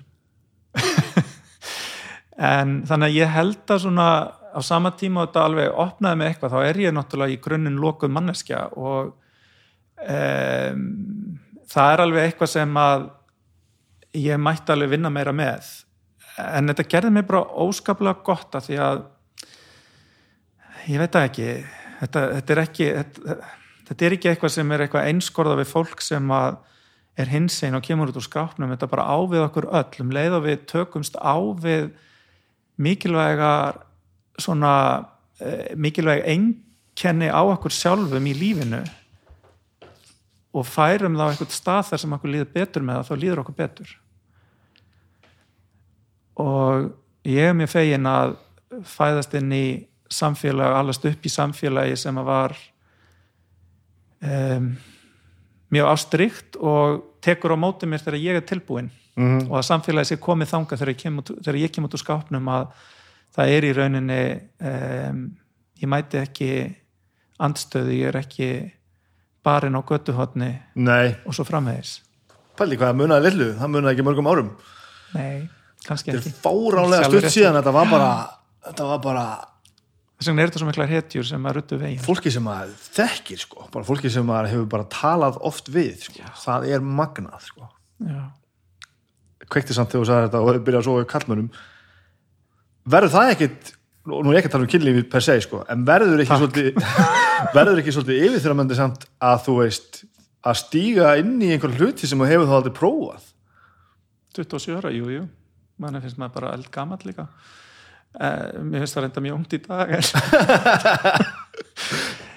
jú, en æ, þú veist, það er bara líka sjúklega spennandi. Þegar þetta er eitthvað já, sem að auðvitað, þú veist, er, þetta, er, þetta er þú, þín kynneigð er þarna. Og um, það er bara mjög spennandi. En auðvitað var maður bara byrjandi. Já, sko, þú veist, með kallmanni en auðvitað snýst þú veist kynlíf snýst um nánd snýst um að um, gefa af sér og vera tilbúin til þess að taka á móti. Mhm.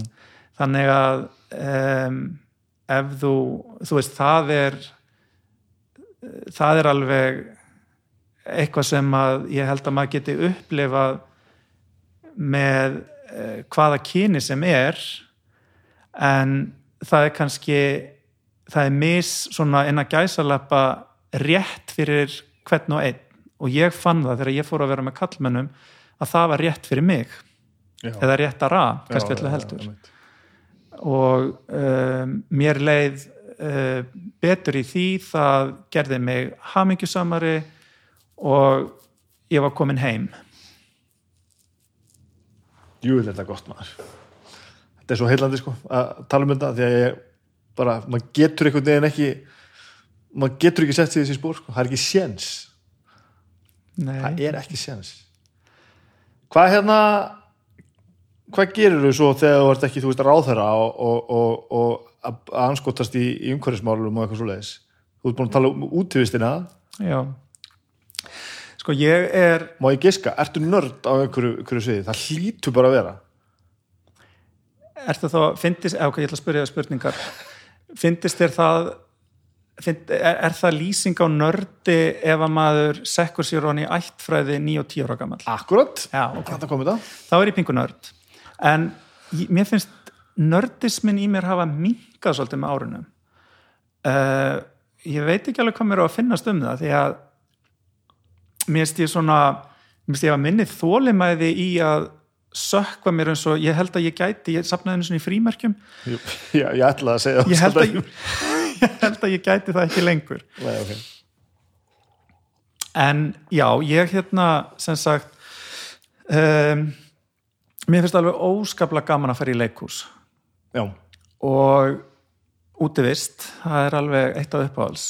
Uh, að lesa bækur, það er svona nördismi líka kannski að vissu leiti en ég sökvi mér meira ofan í bækur núna sem að eru annarkvort æfisögur aldurinn, ég veit eða svona úlinga ævintýra dramabækur eins og Hunger Games Já, skilurðu. Um, og hin típa, hinar típunar á bókum eru glæpasögur og síðan svona sögulega skáldsögur helst sem að gerast einhvern tíman á miðöldum.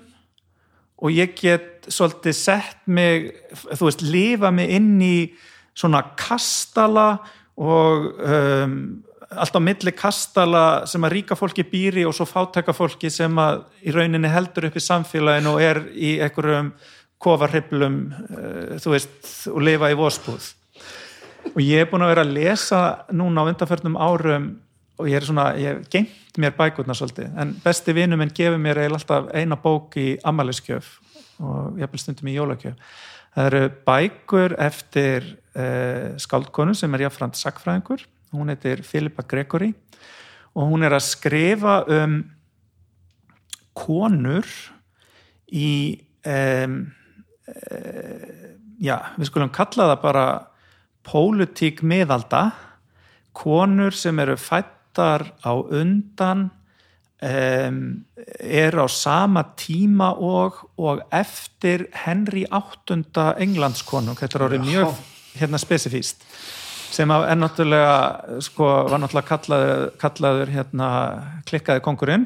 Hann átti sex konur og já, draf nokk eða þess að um, líf, líf, létt lífláta einhverjar þeirra eh, og, og sko það er til svo litlar og, eða fáar sagfræðilar heimildur um konur á, á, á svona tímum eh, þetta er á, á 16. öldin eða mann rétt þannig að sko já 15. og 16. Um, þannig að þarna er sko sagfræðingur að nýta sér alveg einhverja ótrúlega rillistargáfi sem þessi kona hefur til þess að geta í eigðurnar og glæða konur lífi inn í samfélagi sem við höfum svolítið erfitt með að skilja hvernig var vegna þess að konur réð ekki miklu en hafðu ótrúlega áhrif með ímsum leiðum. Og þess að þetta er bara svona er, ég sko ég, ég get algjörlega glimt mér í svona löguðu og svo er eitt sem að enginni mig sem að er bara, það skilur engin og mér hefur alltaf þótt svolítið eiginlega bara erfitt að því að svona það liggur við, fólki finnst þetta svo skrítið að það liggur um að verði fyrir pingu aðkasti að ég hlusta alveg óbáslega lítið á tónlist. Helst Já. klassiska tónlist ég veit ekkert hvaða söngvarar eru til. Ég er mjög slæmur líka með leikara hvað er heita en ég, ég þekki andlit. Og ég ætla bara í þessum þætti að fá að koma svolítið út úr skápnu með það að ég hlusti lítið á tónlist. Og ég veit hver Madonna er, ég skal viðkjöna það. En um, ég ætla bara að fá að vera þannig. Og að veit ekki neitt um þetta. Veistu hvað veldur? Nei. Kveikir bara ekki þér? Lítið, eh, klassisk tónlist gerir það. Að því nú er fyrir mér sko auðvitað ég er kannski alveg hinnum með sko. já, já, þú ert það. Ég er það, þetta tengist sko öllum tilfinningum, öllum aðgerðum öllu sem ég geri sko. Ég veit það. Þetta, þetta mótar allt sem ég sem ég geri allstaðar sko. Ég veit það. Og ég er ekki vissum að það séu margir svona eins og ég með þetta. Allavega hef ég ekki ennþá kynst neinum. En Þetta er bara skerið, þú segir þetta. Ég, bara... ég veit að fólki líður svolítið þannig og svo vini mínu gera mjög mikið grína mér ég veit aldrei, veit þú, hvaða lag er þetta? Hver, hvaða hljómsveit er þetta? Og ég held bara, mm, veit ekki. Og þau bara, oh, með mig. Þú bara, þú, þú, þú getur ekki verið svona líka við að sé sagt sko. Hann er við góðu. Já, já. en hérna núna er ég sérstætt búin að taka það ákverðin að ég ætla bara eins og maður segir að óna það að vera eins og ég er þegar kemur að þessu sem er auðvitað frábært, ég bara finnst svo til með þér að þú ert að fara á missi svo rosalega það er það sem allir segja. Oh, bara þú veist, mómentin sem er á bæðið við eitt með sjálfinsur og bara ég er ekki maður sem fer og dansa sko. Nei, en bara ekki heldur. í bílnum eða eitthvað og þú bara setur á eitthvað lag sem hittir eitthvað á mómentu og það bara svona opnast fyrir öll skilninga veitum að bara einhvern veginn annarkot syngu með eða að fara gæsa húð eða hvað það er sko og bara finn, allt breytist ég finn þetta alveg pingu og alveg stundum mikið með klassíska tónlist. Já. en síðan er ég alveg opinn fyrir því að finna draumaprinsinn sem að má alveg reyna að, að hérna, um, ala mig upp í þessu og opna þessar vittir fyrir mér. Algjörlega, talaðu það. Þú, þú ert einn en ekki, þú ert einleipur og langar þig til þess að verða típiskur fjölskyldufæðir? Um, sko kemur það sem koma skal ég, ég hef aldrei þú veist hvernig sumt fólk er þannig að það þráir ekkert frekar en að eigna spörn mm -hmm. mér er aldrei beinlinis liðið þannig ef ég myndi hitta mann sem að ætti til dæmis bann þá bara er það ekkert mál mm -hmm. það getur vel verið að það myndi kveikna einhverja slíkar tilfinningar hjá manni að vilja eignast börn, ég bara veit það ekki en það er allavega svona ekki það er aldrei einhvern veginn um, verið sterk tilfinning hjá mér. Eh, ég er svolítið begja bland þetta, mér líður alveg mjög vel einum en ég finn það alveg sko að stundum held ég að væri alveg óbáslega gott að uh, eiga svona náinn partner eða náinn uh, hafa náinn mann við, við hliðin á sér í einhvern veginn, nokkurn veginn í einu og öllu þráttur að ég þyrti alveg mikið svona uh, personulegt space líka. Uh, ég á hins vegar alveg ofbáslega góða vini sem að um, já, ég myndi segja að ég geri allt með nefn að sofa hjá þeim.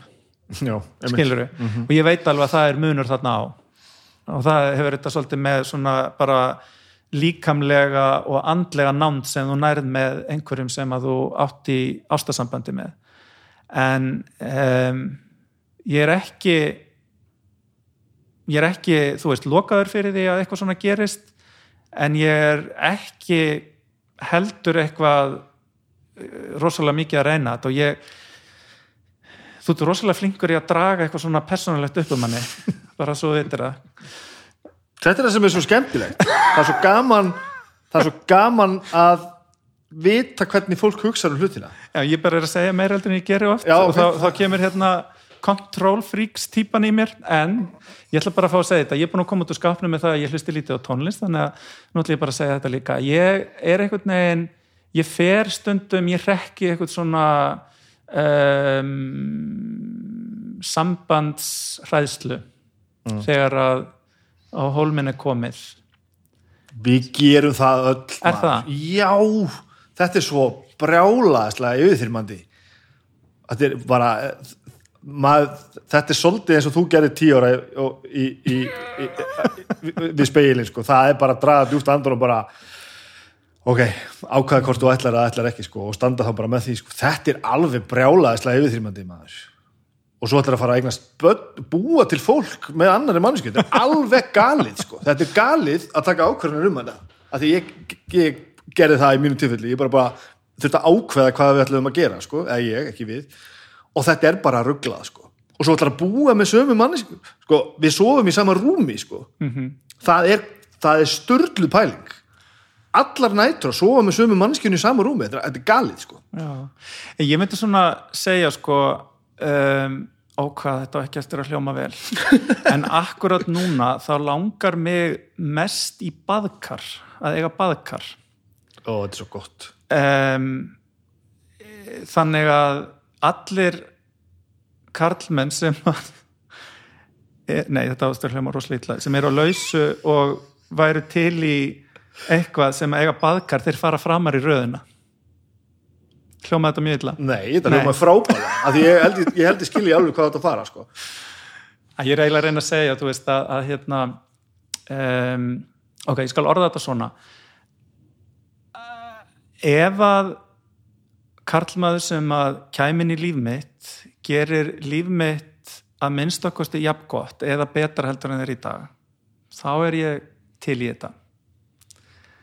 En annars er ég það ekki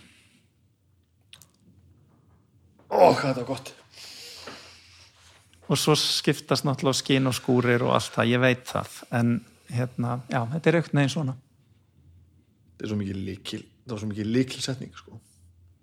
Ég er þessi búin að setja mjög margt í orð á stuttum tíma sem að allir er reymbast við að útskýra fyrir sjálfur sig hvernig er. Að þetta er bara þetta. Þetta er bara þetta. Já.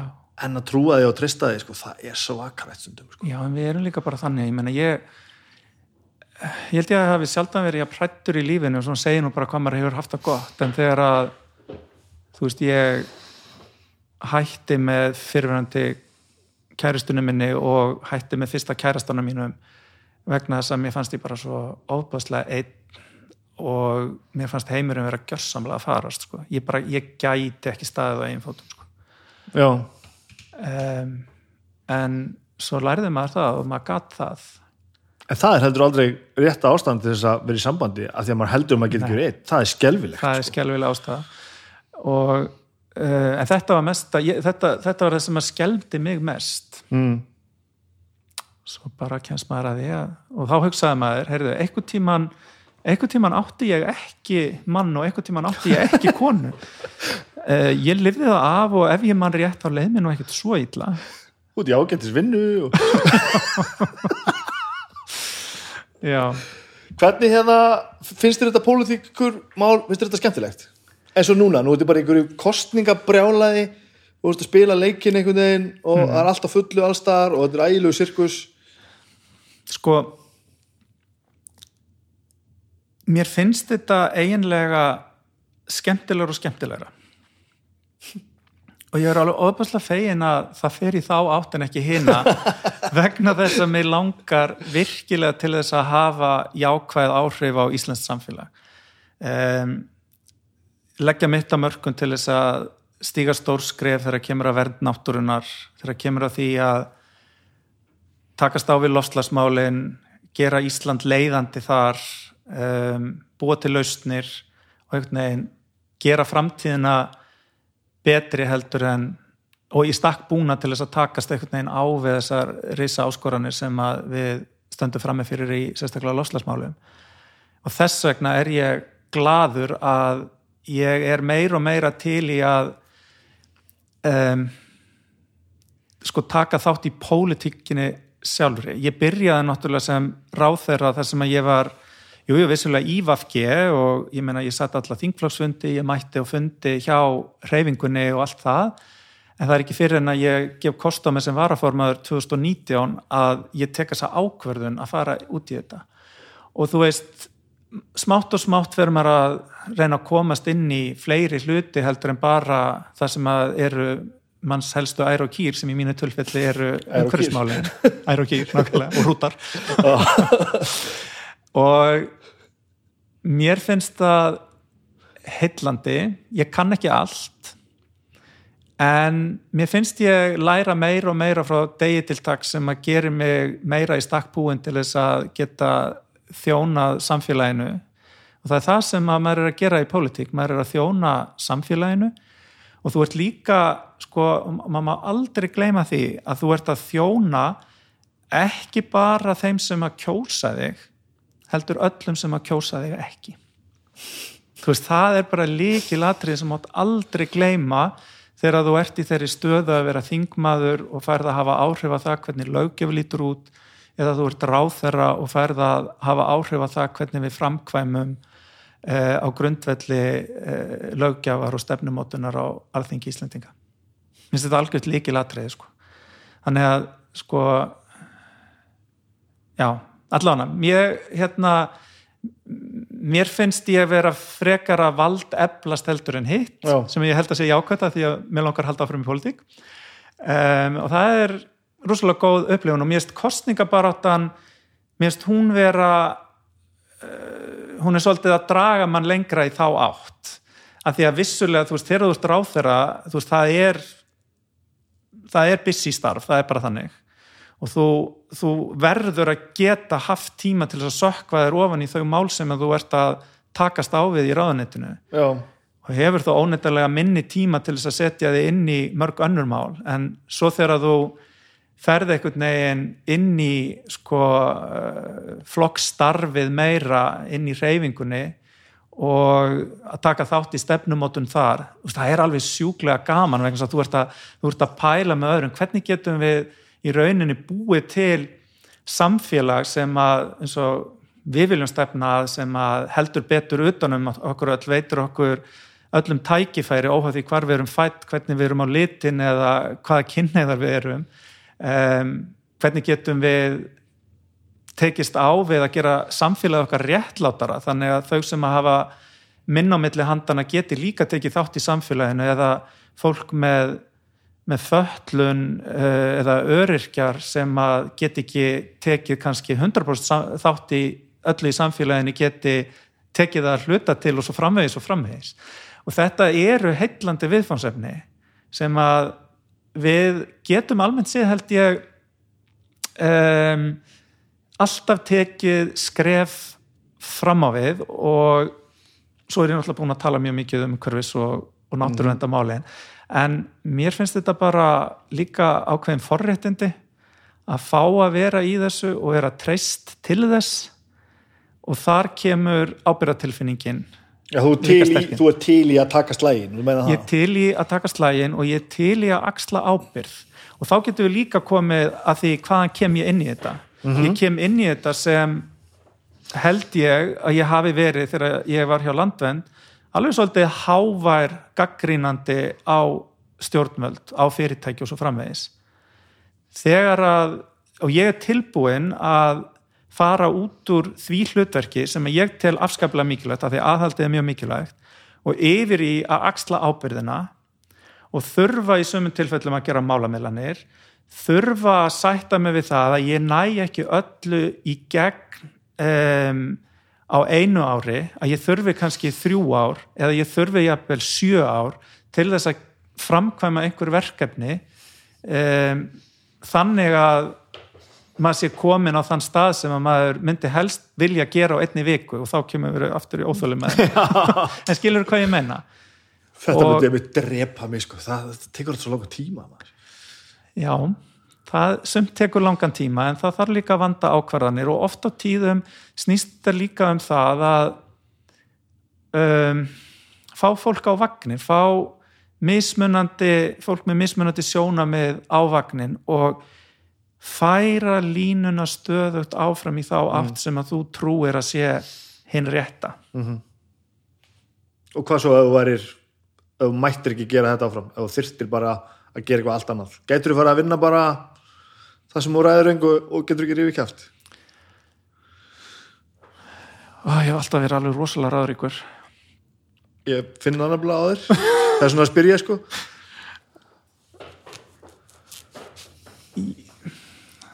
Já, ég bara er þetta að gera það. En ég er aðeins að, sko, þú veist það sem að ég held að segjum sem svo að ég bara myndi ekki ná inn á þing og um, maður ræður enda mismiklu inn á þingi. Þú ræður meiru þegar þú ert ráþæra og hefur meira áhrif allt það. En það hefur bæði verið sagt um að ég sé ráðríkur og ítinn og svo líka óþólumöður, ég veit ekki alveg hvernig blanda þetta er Jésús minn, en sko ég hugsa að ef ég fær að gera eitthvað annað núna þá myndi ég svolítið leita aftur í ræturnar að reyna bara að stopna einhver samtök eða fyrirtæki sem að væri að einbeita sér að einhverju ákveðnu í lofslagsmálum eða umhverjusmálum. já, já, já, Þú veist, til dæmis bara frekari landgræðsla eða eitthvað slíkt. Þannig að ég væri áfram svolítið minn eigin herra. Um, ég allavega sé það svolítið þannig fyrir mér. En svo hefði ég kannski bara svolítið gott af því að þú veist, einhvern veginn um, fara í eitthvað sem að já, maður er uh, ræður minnu og þarf að sem að maður gerur náttúrulega mikið í pólitík þarf að hafa fyrir því að koma sínu áfram að því að það þarf maður náttúrulega að gera í pólitíkinni. Þegar þú ert að hugsa hvaða leiðir er hægt að fara og hvernig ætlar að, sam, sam, hérna, hvernig ætlar að vinna málefni áfram með öðrum pólitískum öflum. En já, þetta var spurning sem kom í kjarnan í mér. Ég bara ég vildi ekki stoppa þig sko. En þú myndir aldrei fara út fyrir þú ert, nú, ertu bara komin bara umhverfið og framtíðin er bara Ég veit það ekki alveg sko. Ég hugsa reyndar að ég myndi jafnvel vilja fara í, bæta við með eitthvað í námi, jafnvel uh, eitthvað sem að hefur með stefnumótun eða uh, viðskipti að gera, aðeins að bæta við með þar. Um, ég hef þörf fyrir að geta verið í eitthvað sem ég er að skapa. Þó sem ég sé kannski langt frá því að vera listamaður að þá þarf ég að vera í einhverju til að skapa og ég ég man að við vorum einhvern tímann að hittast í ráðunettinu og þá stundum uh, kannski segjum maður örfá orð. Og ég var búin að vera í svona tvö ár í ráðunettinu og ég sagði eitthvað svona vitið það áður en að ég kominga þá held ég að vera rosalega leiðilegt að vinna í ráðunetta því að væri eitthvað neginn innan gæsalappa bara að skrifa lög, þú veist, svara brefum uh, gera eitthvað svona misspennandi byrokratísk verkefni og mér finnst alltaf svo gaman þegar að maður mann er komið á óvart og maður hefur ekki alveg rétt fyrir sér. Vegna þess að starf sem að fer fram eins og í ráðuneyti það er einfallega þannig að fólk sem vinnur það þar, það er að útfæra einhverja stefnu ímist með því að skrifa lög eða reglugerðir eða koma einhverjum verkefni til framkvæmda. Og það er rosalega gefandi að það er að búa eitthvað til. Og ég svona hálf skammast mér fyrir að hafa hort á þetta svona svartkvít þegar ég var hérna fyrir utan en ég lærði þannig að, að hérna, ég finn það alveg rosalega mér að ég þarf að vera í einhverju sem að kveikir í mér og leifi mér svolítið að skapa. Það Þú- er mín tónlist. þú, þú ert að lýsa bara minni upplifun á þessu nákvæmlega. Það er þetta sem að ég sé, sko. ég sé bara ennir tölvupóstin og brefin og málameilanir og eitthvað sem tekur æla langan tíma og bara ég sé ekki sköpununa hún- þurfti að koma sér góð hún er þarna. Það er gott að heyra. Ég held að við séum mótið góðir. Við erum ekki búin með vínabröðið Nei, ég er ekki einu sinni búin að fá mér. Nei. Ég tala svo mikið, Já, við getum haldið áfram að, að bora vínabröð þegar við erum hættir hér sko. er Þetta var frábæðlega gaman. Herðu, sömu leiðis, virkilega gaman að koma og spjalla og útsýnið ekki að verri endanum hérna heima hjá þér. Nei, þetta er ógeðslega gott. Takk fyrir að tala um mig. Sömu leiðis, takk hérlega